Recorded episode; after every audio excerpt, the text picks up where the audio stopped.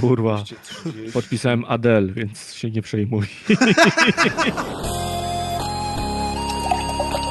Co to nalewasz? A sika. Sikam do kubka. Chcecie usłyszeć tego? Chcecie usłyszeć... E... Bąka? Nie. Poszło! Dokładnie, już się nie odzywajmy do siebie, po prostu nigdy więcej. No, tak będzie najlepiej. No czemu? Jest nie... nie. No, jak bardzo chcesz, to spoko, no. Dziękuję. Książkę kiedyś napiszę o was, moi koledzy głupki. Dobra, no mów kiedy 3-4 i ten. Cztery. Jest dzień strażaka i dzień hutnika. Ja robię wstęp, dobra. Poszło. Poszło. Dobra, to lecimy z tym. Cześć czołem. Fuck you! Pierwszy, pierwszy! A ja tak się właśnie przygotowywałem, wiesz, tak nabierałem już wtedy od powietrza w płuca i bęk. się popierdzielił. Powinniśmy tak złapać mikrofon i uciekać z nim, nie? I przez park. Witamy w nowej rozgrywce. Ja nazywam się Adrian, a ze mną dzisiaj Miałem taką fajną Pres koncepcję. Perez, czyli Grzegorz Wojewoda No cześć, no. i Razer Razer Song, czyli Razer Razer Song. Razer. Razeroda. Razer. Kurde, no... eee. A, mi wszystko! Teraz już nie chcę A trzy dni nagrywać. temu był Dzień Hutnika i Dzień Strażaka. Trzy dni temu to prez zaczął wymyślać, jak tu przygotowanie, przywitanie zrobić na odcinek i mu wszystko Tak. zepsułeś. Pres, Tak, jakbyś chodziłem po mógł zrobić przywitanie do 230, to jakie by to było? Takie wymarzone to już twoje, które chcę. trenowałeś przez tydzień ostatnio. Teraz to już nie chcę. I miałeś ja- jedną, jedyną szansę.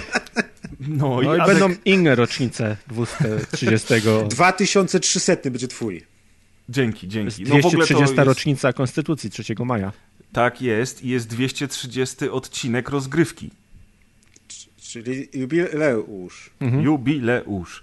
Ja chciałem taki Tak jak bardzo ładny wstęp Konstytucja w tym zrobić. kraju się nie liczy, tak ten podcast się nie liczy na rynku. A ja właśnie chciałem powiedzieć, że Historię witajcie, ja chciałem powiedzieć, że witajcie w najlepszym polskim podcaście o grach komputerowych. Chciałem powiedzieć. Nie- nie chciałem jesteśmy powiedzieć, o Co my dzisiaj nagrywamy?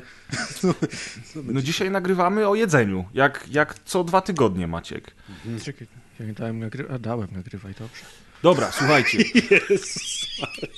To jeszcze Najlepszy raz. to jest podcast. Nie, jeszcze raz. To jest Jeszcze najlepszy raz. Dalej. Nie, Dzień jeszcze dobry, dzień Naprawdę dobry, odcinek najlepszy podcast. 230. I zabierzesz mi to. jubileusz. Najlepszy podcast Zabierzesz mi to, tak? Nie. To ty mi zabrałeś pierwszy, więc Nie. ja muszę się odwdzięczyć Nintendo. teraz. Nintendo. Dobra, słuchajcie, to lecimy. Adek już nas przedstawił, 230 jubileusz, 230 rocznica. Czego? Jubileusz Konstytucji jest 3 Konstytucji maja 3 maja. A dzisiaj mamy 4 maja, ale słuchacie tego 6 maja. i 7 Tak wieczorem, i a później- może nawet 8 albo 9 albo 10. Na pewno nie słuchacie tego 2 maja, więc przynajmniej tyle mamy ustalone. Chyba, że e, za rok. No. Chyba, że za rok. Na tak, bank to- ktoś przesłucha 2 maja i wróci do komentarzy i napisze przesłuchałem 2 maja. Może tak być. A może wróci do komentarzy na nowej stronie? No właśnie chciałem powiedzieć. Najważniejsza informacja, którą powtarzamy po, już po raz od, drugi. od ostatniego odcinka. Nowy adres naszej strony www.rozgrywka.online. Nowy adres e-mail, na który możecie do nas pisać. Ja nie wiem, jaki on jest, więc musicie mi Kontakt. przypomnieć. Małpa. Kontakt małpa, właśnie, kontakt małpa. No i potem, E, a warto zaznaczyć, że mamy nie www, a https. Tak jest. Jesteśmy bezpieczną stroną. Jesteśmy bezpieczną stroną. A ja powiedziałem www, prawda? A czy nie, No. to też zadziała, to nie jest problem, ale Deusz kazał zaznaczać, że https. I już Tak. nie będzie tego brzydkiego komunikatu na starcie, że jest strona niebezpieczna.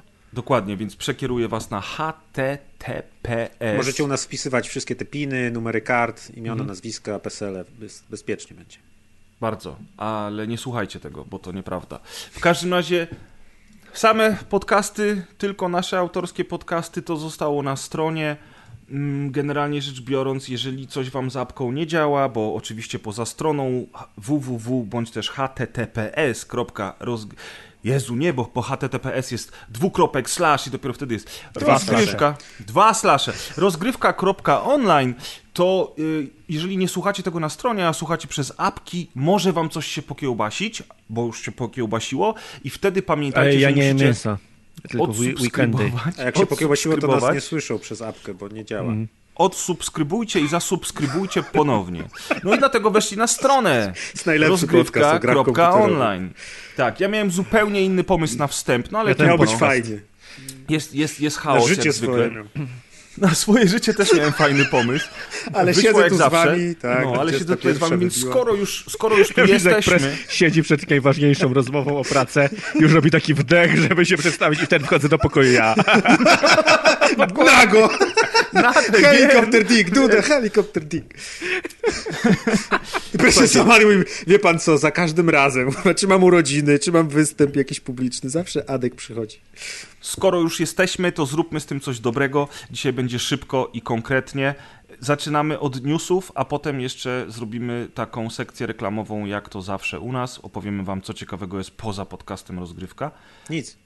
No, ale z innych naszych takich, że tak powiem, spin-offów, co jest ciekawego. Wiadomo, że Nic. tylko u nas na stronie. Powiedział Adek. Dobra, słuchajcie, y, newsy, ja zacznę, bo ja mam pierwszy news.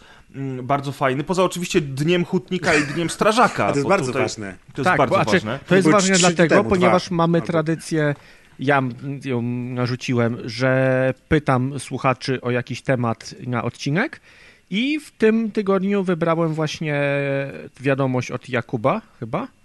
Przepraszam, jeżeli to nie jest od Jakuba, za chwilę potwierdzę. Jakub chyba. Który właśnie powiedział, że, że jest, tak, od Jakuba, że jest Dzień Strażaka i on poprosił o jakieś małe życzenia dla strażaków, także Jakubie, dla wszystkich strażaków od Preza najlepsze życzenia. Co jest ciekawe, bo ja mam mieszkanie po drugiej stronie ulicy od tego, od siedziby strażackiej. Będziesz liczyć. Ja te też, ja mam no, tras, tak. troszeczkę dalej, no, ale może Ja mogę, ja mogę 500 wychodzić metrów. na balkon i machać Rurą. do strażaków. I robić wow. Dudę helikopter. A e, może, słuchajcie, może te straże pożarne są y, portalami, możecie do siebie bardzo szybko się przetransportować. Możemy się do- tak, do możemy, to są takie checkpointy od Atka do Preza w 5 sekund. Strażakowi to się chyba życzy wielkiej sikawy na przykład, nie? Ale oni chyba mają te wielkie sikawy już, wiesz? Damn. Możesz im czegoś innego życzyć, na Podcasterom przykład się zdrowia życzy, tak, zapomniałem. i, i, i przede wszystkim bezpieczeństwa tym, tym strażakom, naszym I kochanym. zimnych, samych zimnych ogni. O. Hutnikom też, uważajcie tam na siebie w tych hutach. A ja już przechodzę do, do, do wiadomości ze świata gier. Pierwsza wiadomość, dosyć istotna, to jest taka, że pojawił się nowy tryb w Apex Legends. Mamy już Super istotna wiadomość. bardzo istotna wiadomość. Patrząc Cała na to, branża nie oddychała czekając, co zrobi Apex. Adek Legends. jak- że od Apexa to jest jak Adek, a nie zwykle, PS. Adek jak zwykle, no właśnie chciałem powiedzieć, jak zwykle się musi wymądrzać, a tymczasem Adek z Kuldanem cisnęli w to strasznie dużo i generalnie rzecz biorąc, Mhm. No ponieważ Apex Legends jest jedną z trzech w sumie teraz najpopularniejszych gier typu Battle Royale y, i cały czas się trzyma w tej, w tej, w tej pierwszej trójce, no to jest to całkiem ciekawe, że dostaje nowy tryb i to taki dosyć nietypowy dla Battle Royale, bo dostaje tryb 3 na 3 zwykłego Team Deathmatcha na rundy, bez respawnów. To się tam w ogóle nazywa, całość, te, te, te, te nowe rzeczy w Apexie nazywają się teraz Legacy, a to się nazywa Areny, i dla mnie to jest duże zaskoczenie, bo ja dzięki temu chcę wrócić do Apexa i być może też zostanę w Battle Royale, bo oni sobie zrobili taką mieszankę y, y, trybów trochę z Counter-Strike'a połączonych ze zwykłym Team Deathmatchem, gdzie masz jedno życie, nie masz respawnów, ale mogą cię koledzy z zespołu podnieść i gdzie co rundę kupujesz broń, za pieniądze, które nie tylko zyskujesz za samo granie, ale też walutę zbierasz na mapie. To jest dosyć ciekawe, bo w takim Counter-Strike'u dostawało się po prostu kasę po rundzie, a nie, że zbierało się ją też na mapie. Co jest też ciekawego, to każdy zakup broni, każdy upgrade, który robisz, przepada ci po jednej rundzie i od kolejnej zaczynasz od zera. Więc to jest jakiś taki tryb wyrównania szans. No i macie takie mecze 3 na 3 na specjalnie przygotowanych właśnie arenach, małych mapach y, do tego stworzonych. To jest I jak- podobne do specjalnych eventów, które już były jakoś tam czasowo w, Ale- w. Ale ten zostaje na stałe. Ten Znaczy, zostaje na, na stałe. stałe w tym sezonie przynajmniej. Nie, na stałe na zawsze. I to już będzie zawsze tryb multi, który no, będzie jak go dołączony. wycofają, to wrócimy do tego odcinka. Dobra, okej, jak go wyczuwają, to 2 wrócimy. maja. Na razie go dopiero wprowadzili, bo do, dokładnie dzisiaj to ruszyło. Dzisiaj jest 4 maja, czyli jak słuchacie tego 2 maja 2022 roku, to już będzie rok Bez dwóch bez dni. dwóch dni, dokładnie, dokładnie tak. W każdym razie, w każdym razie, no jest to całkiem ciekawe. Ja sobie obejrzałem w ogóle, nie wiedziałem, że ten Apex się tak bardzo rozwinął. Super to wygląda. E, Chciałbym to sprawdzić. Co prawda nie wiem, dlaczego zrezygnowali z takich trybów bardziej objective, jak właśnie w Counter-Strike'u, e, ale cóż, no mieli taki, a nie inny pomysł i padło pytanie przy okazji premiery tego, że po co to komu, skoro są jakby inne gry multiplayer i jak oni chcą przez to przyciągnąć nowych graczy, a mi się wydaje, że to nie jest dla nowych graczy, tylko to jest po to, żeby starzy gracze zostali przy grze. Żeby no się ile można nie? grać w Battle Teraz dokładnie? porobili. Ile można grać w Battle Royale? I raz na jakiś czas dochodzisz do wniosku, że ej, jest nas trzech, czyli tyle samo, co byśmy grali w Battle Royale, ale może dzisiaj zamiast tego spędzimy wieczór właśnie przy takim szybkim, Żeby dynamicznym poćwiczyć multi. na przykład strzelanie, movement, to, broń. to się Wiesz, ja podejrzewam- takie zabawy. Ja podejrzewam, że te areny to jednak będą całkiem wymagające, bo tam szybko ludzie się nauczą i nie, to nie będzie arena do ćwiczeń, tylko raczej to będzie arena dla naj, najlepszych, największych hardkorów, żeby tam mogli się, że tak powiem, zabijać. Bo nie wierzę w to, że przyjdzie nowy gracz i stwierdzi, o, a dzisiaj poćwiczę jak się w, gra w Apex Legends i odpali ten tryb. Wiesz, bo... Nie, ale mi chodziło dla, dla starych graczy, żeby sobie poćwiczyli strzelanie, bo jednak w trybie Battle Royale bardzo ciężko się ćwiczy strzelanie, no bo jak już zdobędziesz broń, jaka ci się podoba, no to minęło 20 minut i, i głupio Dokładnie. dopiero zaczynać jakieś tam strzelnice sobie robić. A tutaj szybki meczek, szybkie strzelanko, fajna sprawa. Chyba też No, wrócę czyli, do Apexa. czyli a co mówi dla was Adek, gracze Apex, poćwiczcie kurwa strzelanie, cieniasy. Nie, no, to nie, jest się śmiejesz, ale my z, z Jackiem e, ćwiczyliśmy na strzelnicy strzelania. Jest cały program rozpisany z jakiej broni, z jakiego miejsca, w co się strzela, jaki wynik trzeba uzyskać, żeby przejść dalej. Ja I, się nie I śmieję, bardzo bo właśnie- dużo daje takie, takie strzelanie. I jedyny minus był tego taki, że strzelało się do, do nieruchomych, nieruchomych celi i nie można było poćwiczyć z innymi graczami. Do celów się strzelało, Adek. Natomiast Celi, widzisz, bo chodzi myślę... o takie dla zwierząt z, zoo. Cele. Okej, Klatki. okej, ładnie z tego wybrnąłeś. I teraz mam nadzieję, że trochę ci głupio, że się śmiałeś na początku Nie, dalej się newsa. śmieję, że to jest ważny news. To... To jest bardzo ważny news, bo to jest, to jest gra, w- gra, o której bardzo często się mówiło na rozgrywce, w związku z czym no fajnie, że ona nadal żyje i że takie rzeczy sobie wprowadza. Weszła też nowa operatorka, ona się nazywa Valkyria i lata i w To sumie jest to... ta pani w dreadach taka? Nie, ona ma taki jetpack i ona w ogóle ma ataki obszarowe z powietrza, y, cu- cuda na kiju. Natomiast ja trochę jestem zawiedziony, że dalej nie ma tych tytanów, bo ja liczyłem na to, że w końcu się oni tam pojawią, ale mm, już jakby pokazówki aren sugerują, że w tym sezonie kolejne rzeczy w, ramach tego legacy, dziedzictwa będą wchodzić i coś tam się będzie działo, więc fajnie, że to żyje, Mm, na pewno warto zagrać, zwłaszcza, że to jest za darmo. A teraz mam dla was parę liczb od GOG. GOG.com 5, 4, 42, 2, 1, 3, 7, 1, 3, 7. 69. Dziękujemy. Gogu. To były liczby sponsorowane. Goga zapłacił na milion złotych za to, żebyśmy Tak, przeczytali. Nie, no GOG się chwali, że, że, że faktycznie, znaczy to, to, jest chyba, to, to jest chyba coś, co, co nikogo nie powinno zaskoczyć. Kolejna firma, która jest bardzo związana z rozgrywką, z rozrywką multimedialną, z rozgrywką też jest bardzo związana, bo jak wiecie, płacą nam grube miliony, żebyśmy o tym mówili. Pięć. Ale 69. Ale, ale to jest kolejna firma, która od marca 2020 odnotowała w ogóle jakiś mega wzrost, no bo wszyscy siedzą w domach, grają, oglądają filmy i tak dalej. I mają ten wzrost liczby odbiorców całkiem imponujący, bo miesięczna liczba aktywnych użytkowników wszystkich usług GOG wzrosła o 208%. Przybyło 392% nowych użytkowników i miesięczna liczba aktywnych użytkowników na GOG Galaxy to jest, y, to jest skok o 805%. To, czyli czyli po prostu pokazuje, pokazuje nam to, jak bardzo siedzimy w domach przed komputerami. Jak to są niesamowite liczby, y, jeżeli chodzi o spędzanie czasu właśnie przy wszelkich ekranach multimedialnych, bo wiadomo, ja tak jak już powiedziałem, to nie tylko gry. To mogą być filmy, audiobooki, podcasty, moi drodzy, stąd mamy tyle hajsu. I zrobiliśmy sobie z Adkiem teleporty do swoich mieszkań przy straży pożarnej. E, To jest, Wszystkiego to jest, najlepszego. Tak jest. To jest wzrost rok do roku w grudniu, dane mierzone na koniec roku, czyli oni, czyli oni, czyli nie od marca, źle powiedziałem, tylko od grudnia do grudnia e, taki skok. Już tam potem są przychody netto i tam podział rynku dla sklepu GOG. Tu tylko wam powiem w ramach ciekawostki, że najwięcej GOG e, sprzedaje w Europie, bo aż 49% udziałów, a potem na drugim miejscu Ameryka Północna 34% wszy- wszy- wszelkiej sprzedaży to, to jest Europa i Ameryka Północna. No. No i tam reszta to nas nie interesuje, generalnie rzecz biorąc. Najważniejsze informacje w sumie z, z gier, które pojawiły się w, w katalogu w ciągu Właśnie. tamtego roku, to jest bardzo ważne. Mortal Kombat 4. No. Tu, tu, tu, Mortal tu, tu, Kombat! tu, tu, tu, Kajmo. tu, tu, tu, tu, tu, tu, tu, tu, tu, tu, tu, tu. No i oczywiście Freedom Fighters.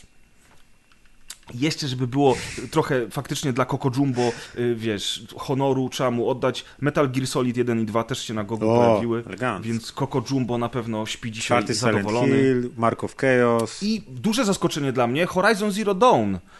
Czy, Mhm. To chyba jest pierwsza gra y, PlayStation, która pojawiła się na Gogu. Nie spodziewałem się tego, jeżeli mam być szczery. Hmm. No i tutaj na końcu jest... A y, Shenmue by, było na PC-tach? Było chyba na Chyba Steamie, było wiesz? wcześniej na Steamie, no Na tak. pewno jedynka i dwójka były na Steamie. Wydaje mi się, że trójka też, też, też na Steamie się pojawiła. Natomiast na Gogu rzeczywiście, tak jak Adek zwrócił uwagę, również jest. I na końcu, na samym dole tej tabeli informacyjnej też powiedziane, że 19,8 tysiąca polskich złotych poszło na rozgrywkę. Nie, sorry, miałem tego nie czytać. To, to było tylko dla nas informacja. Dobrze.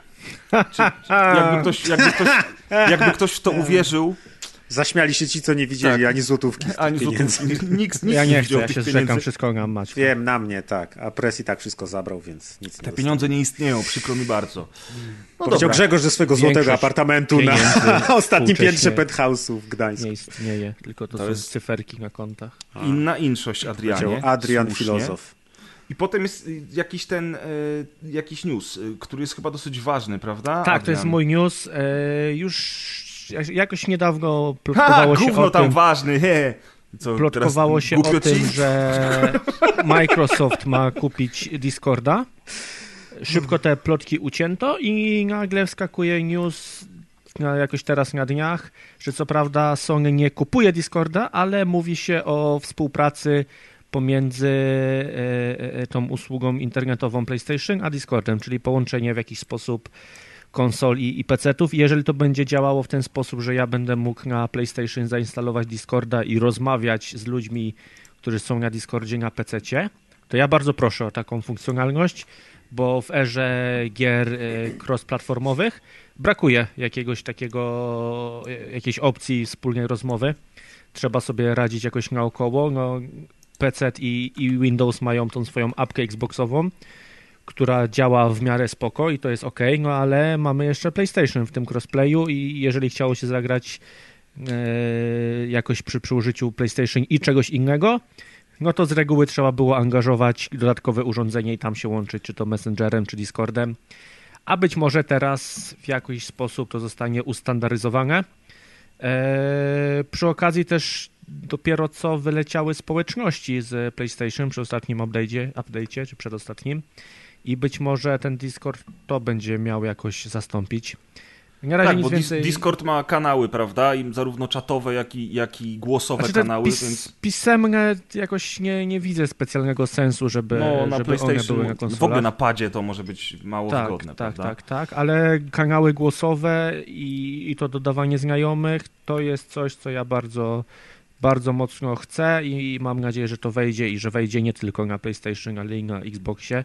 Przy czym ktoś na grupie nas pisał, że jest jakaś Discordowa apka na Xboxie, ale ja nie mam pojęcia, jak ona działa, czy ona udostępnia tą funkcjonalność, o, którym, o której mówię, więc nie wiem, jak to tam jest. W każdym razie niech się dogadują wszyscy, niech powstanie Tak.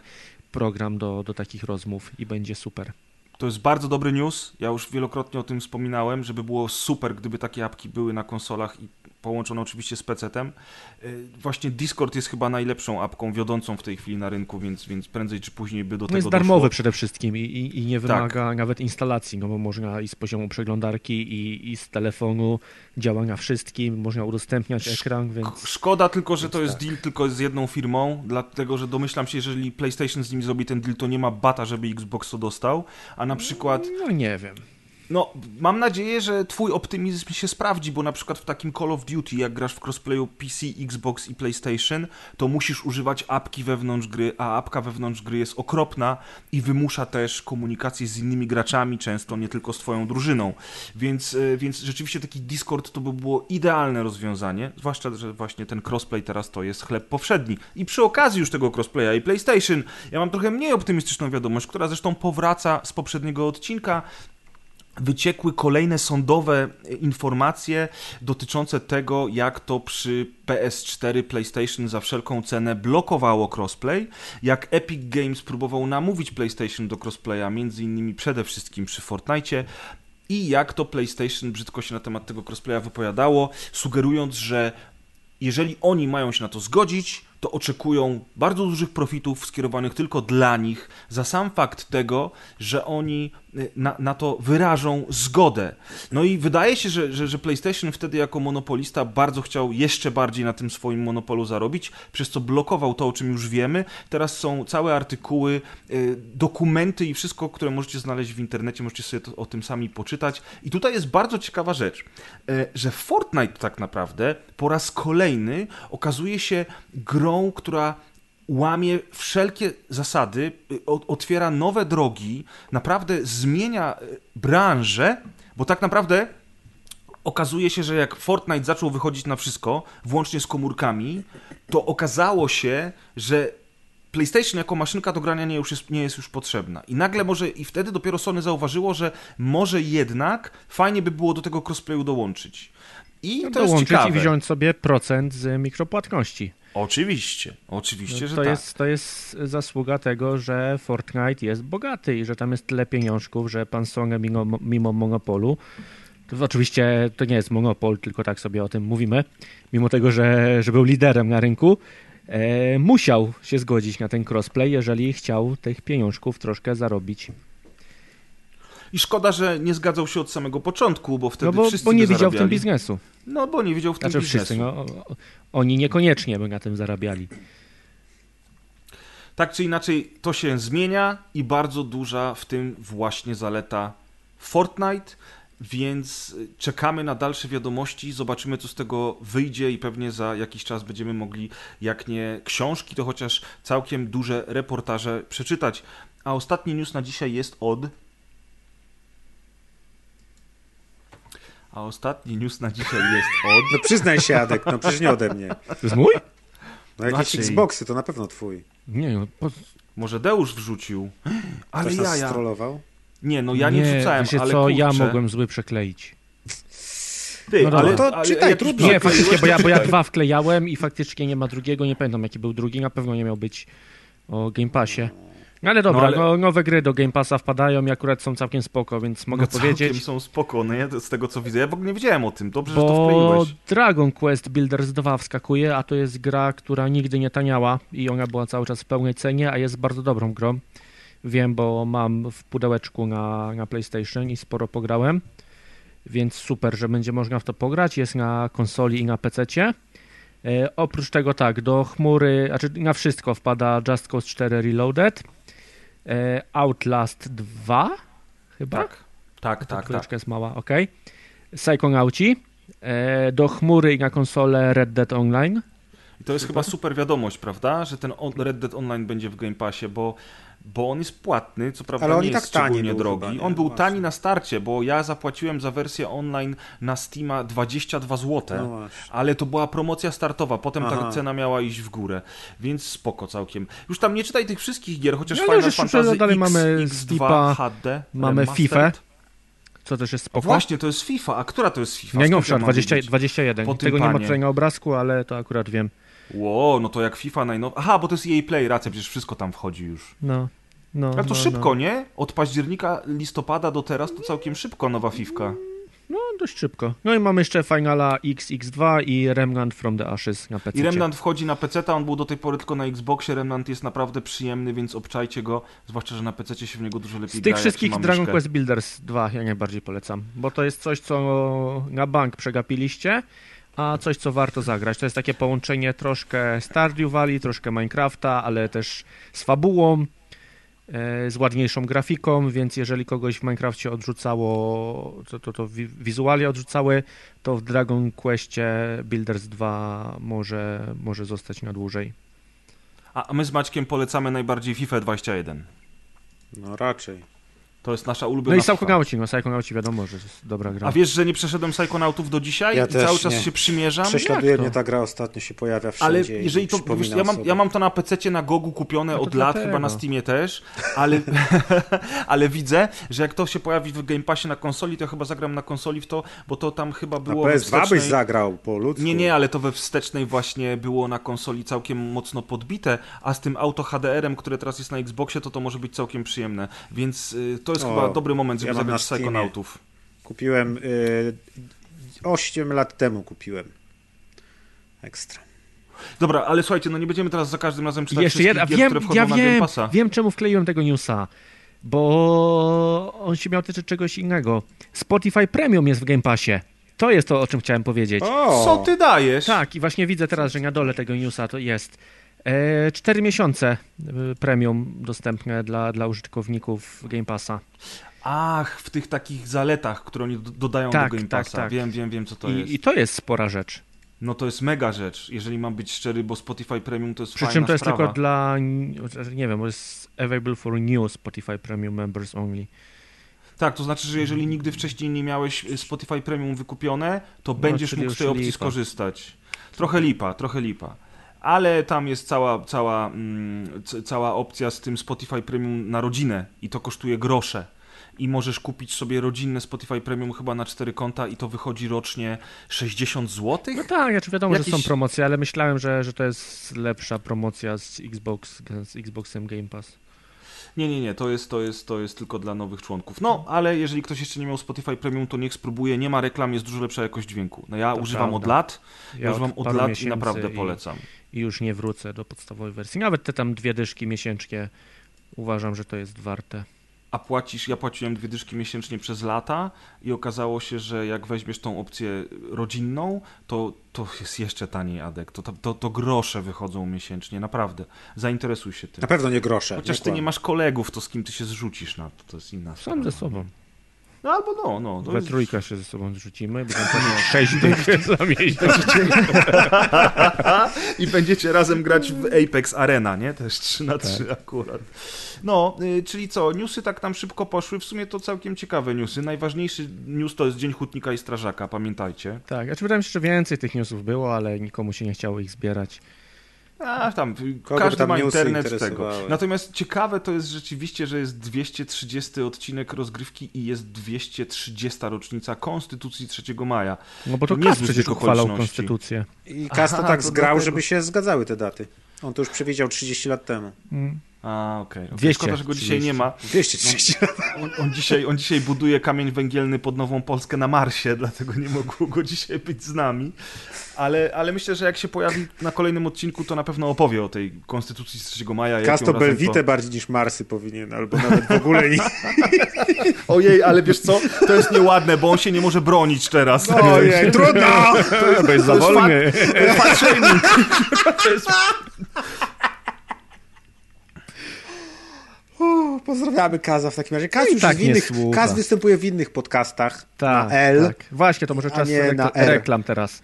Był Tak, czas słuchajcie. newsów, czas reklam i ja zacznę od reklamy właśnie podcastu, w którym był cast, czyli w najnowszym L'Avocado by Night, e, czyli podcaście prowadzonym przez Marcina i przez Arka e, na stronie lavocado.pl tak, dobrze? Jest PL, tak, dobrze, zapamiętałem. Ja zacząłem już słuchać. Ja też zacząłem już Fajnie. słuchać. Warto Mówię. wpaść, bo na stronie Lawokado jest dużo nieoczywistych newsów o grach, o których powinniście przeczytać.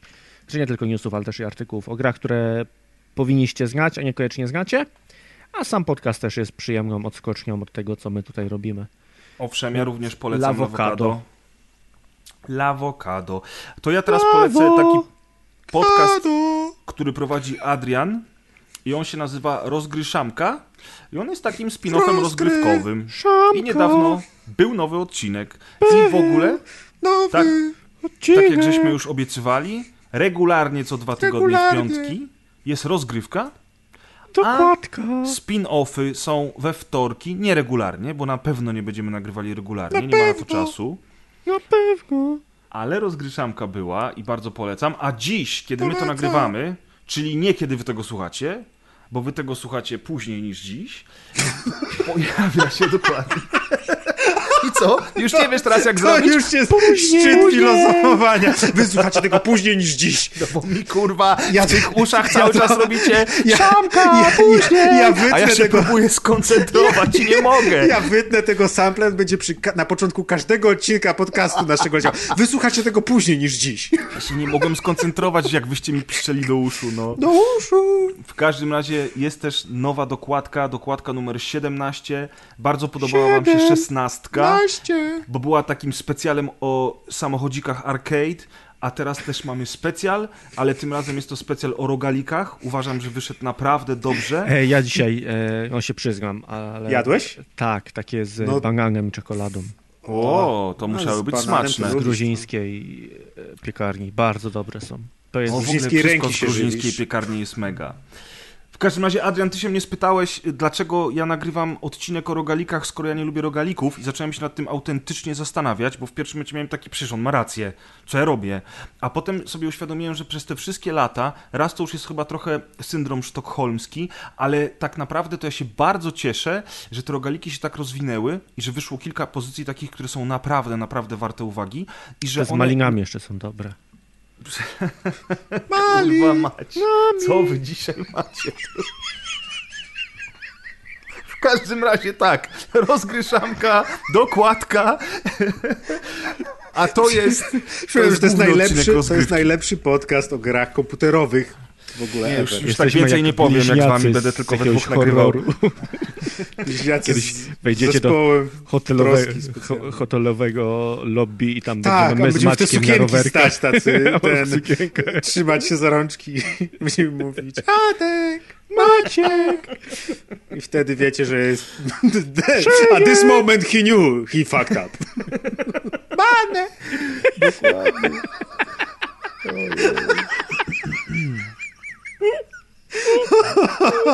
O, dobra, trochę, trochę podreperowaliśmy reputację tego odcinka. Uff.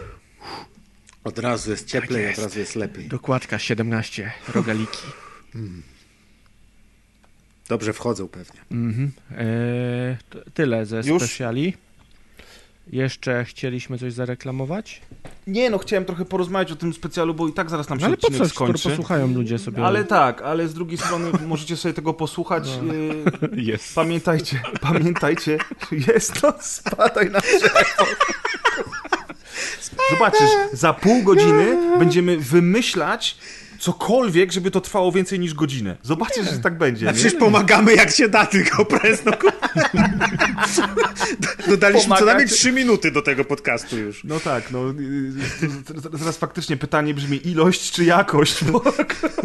Ilość, Jakość. Ojej. why not? No i słuchajcie, i w sumie byście się nadali do horroru. Skoro już o horrorach mowa, to ja wam To opowiem, o, dobry. opowiem Już? wam o Czekaj. nagrywaniu z Adkiem i Maćkiem. Cała prawda. Pisz, pisz Ej, tam. bo ja się, w ogóle, ja się w ogóle teraz skapnąłem, że to jest też na peceta. Tak. Czemu ja nie grałem jak to jest na peceta? W tym, tygodniu. w tym tygodniu masz jeszcze demo To dostępne. muszę, przez tydzień. już idę grać, nara. No i słuchajcie, Resident Evil Village demo, Village. gameplay demo. E, i demo, które było do tej pory ekskluzywne dla PlayStation, pojawiło się na PC i na Xboxie. Ja ograłem to demko. Grać można maksymalnie przez godzinę.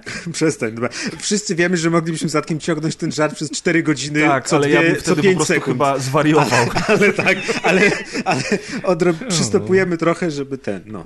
Bo Maciek jest ciekawy, Maciek jest ciekawy rezydenta. Gdyby to nie było rezydent, to by dalej ciągnął Nie, ten nie, żart. ja rozumiem, że coś jest śmieszne, ale wiem też, kiedy trzeba trochę przystopować. Adek, za pół godziny nas Ja wiem, budzik i znowu zaczniemy. Ja wiem, wiem. Pungo! Już minęło! Ojej. No to słuchajcie. E, wow, jak to się dobrze Wow. zapowiada, nie? Wow. Wow, jak to się dobrze zapowiada. Nice. Resident Evil Village. Resident. To nie jest ten sam żart.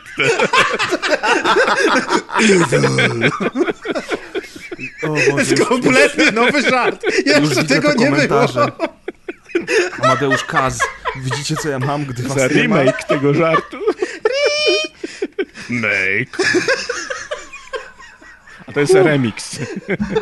Remix. Macie jeszcze minutę czasu, żeby się wyśmiać, zanim zacznę opowiadać naprawdę.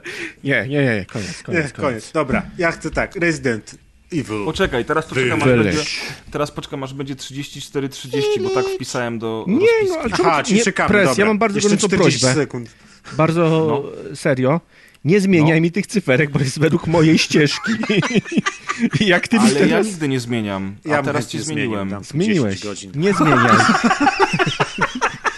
Bo jak ty, raz ty wpiszesz, raz ja Uwaga, wpiszę, czekajcie, bo mamy... Dobrze, Adrian, masz jeszcze 20 sekund, 20 zanim sekund zaczniemy. jeszcze. Dawaj, wymyśl coś szybko, albo zamknijcie gęby wreszcie. No nie, no jak teraz wpisałeś, no to już czekamy, no. No dobra, to jeszcze 15 Jeszcze, sekund. ale musi być według mojej. 10. Czyli jeszcze 10 sekund u mnie musi być. To odliczaj. Eee, 5, 4, 3, 2, pierdolę, najlepszy 1. podcast o grach Recenzja Resident Evil Village. Demo.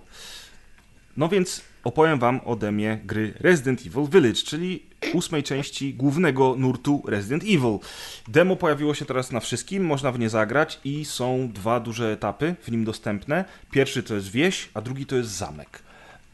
I A ja, to ja już od razu mam pytanie. Czy wiadomo, czy to są wyrwane z gry etapy, czy e, e, ekskluzywne dla dema? I właśnie tego nie wiem niestety, bo dobrze, że pytasz, w Resident Evil 7 całe demo było osobnym tworem, które Właśnie. bazowało na lokacji z gry, ale opowiadało taką historyjkę, która była mocno, że tak powiem, oderwana od samej kampanii, która pojawiła się w pełnej wersji gry. Tutaj niestety wygląda to tak, jakby to jednak był część, fragment kampanii, dlatego że to są dwie części, one obie są fabularnie jakoś tam na początku nakreślone, tłumaczą ci, co się dzieje, jak tutaj dotarłeś i czego ty w ogóle szukasz, więc zakładam, że to niestety już są rzeczy wyciągnięte żywcem z gry, ale to nie jest problem. A ja mam ciekawostkę. Wiecie, że twarz tej pani e, Lady Dimitrescu. głównej złej, tak, jest polska?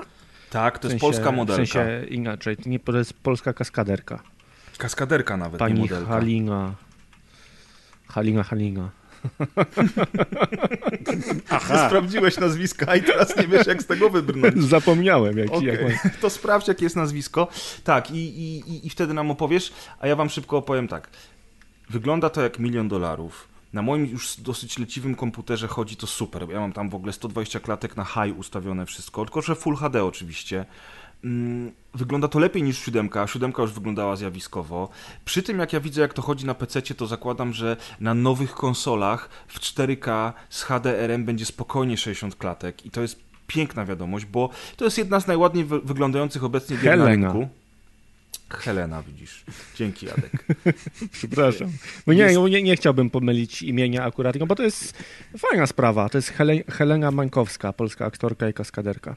o, Dzięki. To powiedz od razu, że nie ma polskiej wersji językowej. I nie ma polskiej wersji językowej. Dzięki, Jadek. fuck. W każdym razie, w każdym razie, ja pamiętam, że niektórzy bardzo narzekali na to, że Resident Evil 7 to nie jest Resident Evil, bo on ma innego bohatera niż do tej części, i, niż do tej pory. I on jest w FPP i to w ogóle nie jest Resident Evil. Tylko te osoby najczęściej nie grały w tę grę, e, ponieważ jeżeli się przejdzie całość, to się zobaczy, że to jest na maksa Resident Evil i gameplayowo, i z zagadkami, i z wieloma innymi rzeczami, również fabularnie. A dlaczego siódemka- tak brecika czepiasz? Nie, nie, nie tylko Brecika, ale Brecika również. To od razu jak już, O, jak już sypiemy, jak już sypiemy, to Tomek Pieniak, dawaj. Tomek Pieniak też się przypierdalał. O, kur... Kto jeszcze? Dlaczego na go nie ma dzisiaj z nami? Ale nie, dużo ludzi, Już w ogóle na świecie. już go nie zapraszamy. Nie, dlatego właśnie, dlatego właśnie dużo ludzi o tym mówiło, a ja uważam, że to nie jest prawda. E, uważam, że po przejściu Mówisz, że całej tej kłamali? gry... Mówię, że nie grali. E, I A po powiedziałeś, przejściu... że to nie jest prawda. to nie jest prawda, że to nie są rezydenty. Ja uważam, że to są... Ja pierdolę, Adek. Adek. No nie, no nie da się dzisiaj, nie da się, naprawdę się nie da. A i w ogóle mam nagrane teraz Adek na podcaście, że sypiesz na psach. No Nie. i sk- skończyło się. Skończyło się makowiec. Chojrak. A kto Breta sp- sprzedał? Hmm? Od Nie razu, sprzedałem, to pierwszy ty. Ja powiedziałeś. tylko Leciałeś powiedziałem, od razu. przestał się go czepiać. Ja, ja nie mówiłem imion. Ja nie Ja, mówiłem też wiem, że się nie imion. nazywa Brett. Mamy to na taśmie. Nie wiadomo o kogo chodzi, jak mówimy o Breciku. Brecik, pozdro. W każdym razie, mm, jeżeli siódemka była takim dziwnym trochę rezydentem, bo działa się gdzieś tam, kurczę, w Alabamie, czy gdzieś w Ameryce na takim domu, na farmie. I to, to w sumie była rezydencja, więc spoko. I miała zagadki takie jak w rezydentach, tylko miała innych przeciwników, ale była mega, mega horrorem. I tak naprawdę survival horrorem z całym tym zestawem rzeczy, które są charakterystyczne dla rezydentów, tylko miała kamerę pierwszoosobową, tak y, ósemka jest znowuż rezydentem, ale bardzo mocno kojarzącym się z Resident Evil 4. A to dlatego, że tam przenosiliśmy się z, ze Stanów do Europy i trafialiśmy do Hiszpanii, do hiszpańskiej wioski, a tutaj z kolei przenosimy się w Karpaty, prawdopodobnie mm. do wioski rumuńskiej, mm. więc znowu lecimy sobie z kontynentu na kontynent i znowu mamy takie e, wiejskie, ruralne klimaty, które są bardzo klimatyczne i w ogóle od razu jak tylko odpalasz demo, pierwsze skojarzenie to jest Resident Evil 4, co nie do końca jest prawdą, bo gameplayowo jednak jesteśmy dużo bliżej oryginału, jest mnóstwo zagadek, eksploracji, bardziej horroru niż takiej typowej gry akcji, którą jednak Resident Evil 4 był, co by o nim nie mówić, więc nie, to nie jest... E, to nie jest alternatywa dla Resident Evil 4. Gameplayowo ósemka jest bardzo zbliżona do siódemki, tylko troszeczkę chyba bardziej dynamiczną ma walkę. Wydaje mi się, że ta walka jest lepiej zrobiona tutaj niż była zrobiona w siódemce. Cała reszta to jest po prostu siódemka z zagadkami, z, z craftingiem, z, z, tą, z tym storytellingiem opowiadanym cały czas z oczu głównego bohatera, więc perspektywa się bardzo zmienia, znacząco się zmienia w stosunku do tego, jak było w poprzednich odsłonach serii. Ja rozumiem, że komuś to się może nie podobać, natomiast ja jestem kompletnie oczarowany. I po graniu w to demko już wiem, że będę się z ósemką bawił fenomenalnie. A ten, ten klimat Karpat to już w ogóle jest tylko wisienka na torcie, a w, te w środku miejscówki, ta, ten zamek, do którego trafiasz, te klatki schodowe, te pokoje, te zdobienia. No, jeżeli na to patrzysz i nie widzisz w tym Resident Evil, to nie wiem, sorry, Brecik. Ciekawe, czy będzie ten cameo jakiegoś Drakuli. To znaczy, nie wiem, czy będzie cameo Drakuli, ale na pewno będzie cameo postaci z innych odsłon, nie? Tak samo jak to było w siódemce i mam nadzieję, że to się jakoś tam jeszcze bardziej rozwinie, ale są wilkołaki, faktycznie są wilkołaki mm. i ja już z nimi walczyłem w ogóle w polu jakiejś kukurydzy czy czegoś innego, to jest niesamowite. to jest od razu jakieś nawiązanie do, do e, wampirów, wilkołaków? Tak, tak, tak, do... tak, no bo masz Karpaty. No bo właśnie jesteś... do te, tak, tak, tak. Masz Karpaty, jesteś te w Rumunii, zamek się nazywa po rumuńsku, jakoś tam zamek, kurczę, Dimitrescu czy coś, wiesz, wszędzie wisi Czyli czosnek. możemy się spodziewać, spodziewać Drakuli? Ja myślę, że wampiry też tam będą. Wlada, no, palownika i tak dalej. Znaczy, no ta Lady super. jest chyba wampirzycą, nie? I tej tam. Tak, bo, bo wiesz, bo są właśnie chyba wampiry, tylko że ja nie jestem do końca pewien, no ciężko mi powiedzieć po demie, ale głównym przeciwnikiem, z którym się walczy. Energetyczne. To też. Pozdrawiam wszystkich fanów What We Do in the Shadows. I Ewelinę, moją, bo ona jest wampirem energetycznym. Pięknie, no i rozwód za miesiąc będzie na nas. Jak no, Bill Gates. lat wiadomo. Co? No Bill Gates się rozwodzi, no niestety, po tych wszystkich latach. To też te szczepionki, mówię wam. No, w każdym razie, to się żart oczywiście. No, dokładnie. Dupami zresztą. I... O Jezus. That came out of nowhere. Jest, jest sobie demko Resident Evil 8 Village, zobaczcie To kiedy w to można koniecznie. pograć? To Mi się wydaje, że on znaczy teraz jest na stałe już. Nie, ale... do końca tygodnia. W, no co za durnie, Cholerne czasowe demo. To co to kurwa jest za pomysł w ogóle? Super pomysł. Ja muszę teraz zmieniać plany życiowe, żeby w demo zagrać. Adek, ale gdzie tu jest super pomysł? A co jeżeli ktoś będzie chciał za dwa miesiące od teraz zagrać e, Nie, ja rozumiem, Residenta? dla graczy to jest gorszy pomysł, ale ze strony marketingowej a, no zrobienie no, szumu tak, przez no, tydzień, no tak. żeby ludzie przez ten tydzień Świetnie, o tym rozmawiali. dzięki marketingowcy, dzięki. Nie, no to chuj w dupę marketingowcom i PR-owcom i w ogóle wszystkim, no, Ale wiecie, nie? no... I wszystkim e, owcom. Dokładamy do tego łapkę, rozmawiając teraz o tym. I Press pobierając to demo też się dołożył. To ja ściągnę z Rapid Share'a. Okej, okay. ale przecież ja bym chciał się podzielić z naszymi słuchaczami moimi wrażeniami na temat tej gry i oni Dema. dzięki temu na temat no tak, dema. ale pobrałeś demo w okienku czasowym, czyli No bo pod okienkiem by nie pobrał. No tak, no i o to chodzi. No, jakby nikt nie pobrał, Aha, buntując się. Bunt całkowity. No tak, okay. no ale wiesz, to jest jakby nasz troszeczkę dziennikarski obowiązek. no nie, no możemy, możemy hejtować Activision na przykład. No, możemy, okej, okay, okej, okay, niech ci będzie. Wiesz, da się robić to ze smakiem. z szacunkiem i w ogóle. tak, tak, i z rikczem. Jebanie no. z szacunkiem. W każdym razie nie. Adrian no. Kornaś, telefon. Taka książka kiedyś. Wiesz, Adek napisze taką Ty książkę zrobisz wstępy, książkę z wstępów, a Adek zjebania z szacunkiem. Natomiast jest mega, mega, mega fajny klimat w tej grze. I ja naprawdę. Resident Evil 7 był jedną z moich ulubionych gier ostatnich pięciu lat. Ja byłem zachwycony tą grą, przeszedłem ją w ogóle, co mi się nie zdarza, ze słuchawkami na uszach Wiemy. w ciemku. Nie, nie, że rzeczywiście w horrorach nie zdarza mi się, żeby być tak wciągnięty w tę grę, że nawet jak się boję, to siedzę po ciemku ze słuchawkami na uszach. Raczej gram przy zapalonym świetle i tak dalej. A tutaj naprawdę byłem po prostu oczarowany. Przeszedłem wszystkie dodatki, które do tej gry wyszły i bardzo, bardzo dobrze wspominam tę przygodę, więc obawiałem się, co wyjdzie z tego rezydenta, co przekombinują i tak dalej. Wiecie, ciężko mi ocenić całość, no bo wiadomo, że pełnej wersji gry jeszcze nie ma, ale po tym demie jestem spokojny. Po tym demie wiem, że będę się bawił co najmniej tak samo dobrze, jak się bawiłem przy siódemce.